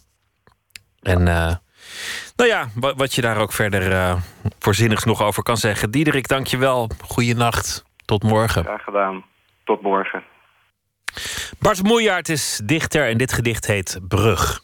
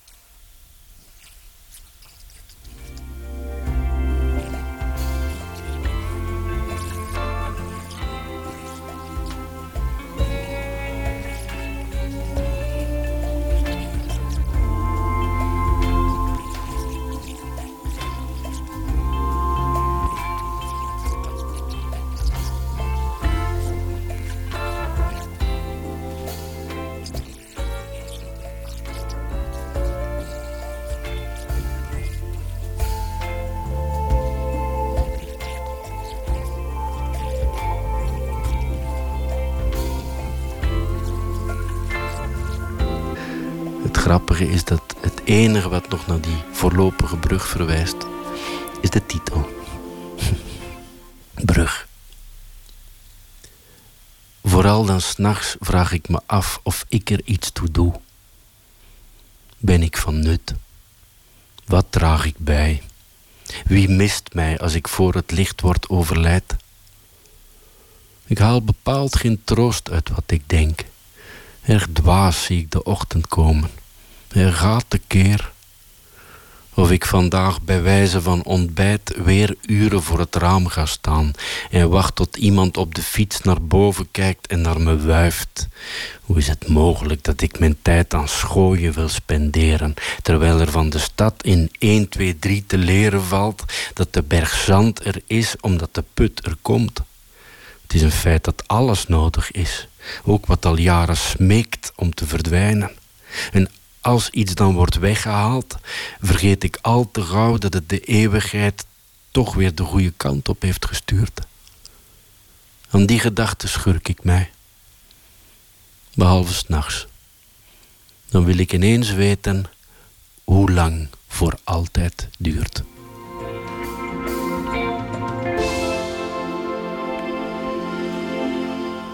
Bart Moejaert las het uh, gedicht Brug. Morgen is uh, Rodan Al-Ghalidi te gast. Hij is schrijver en dichter, geboren in Irak, woont in Nederland sinds 1998. Zijn uh, vorige boek heette Hoe ik talent voor het leven kreeg. Ging over zijn ervaringen als asielzoeker in Nederland. En nu heeft hij een verhalenbundel, 1001 nachtmerries.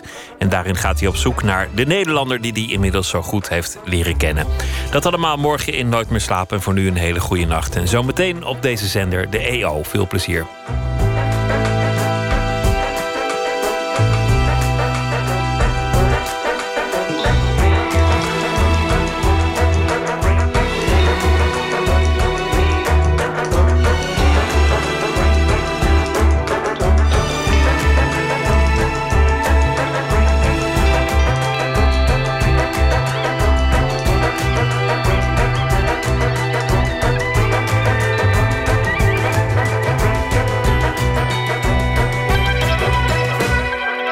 Radio 1, het nieuws van alle kanten.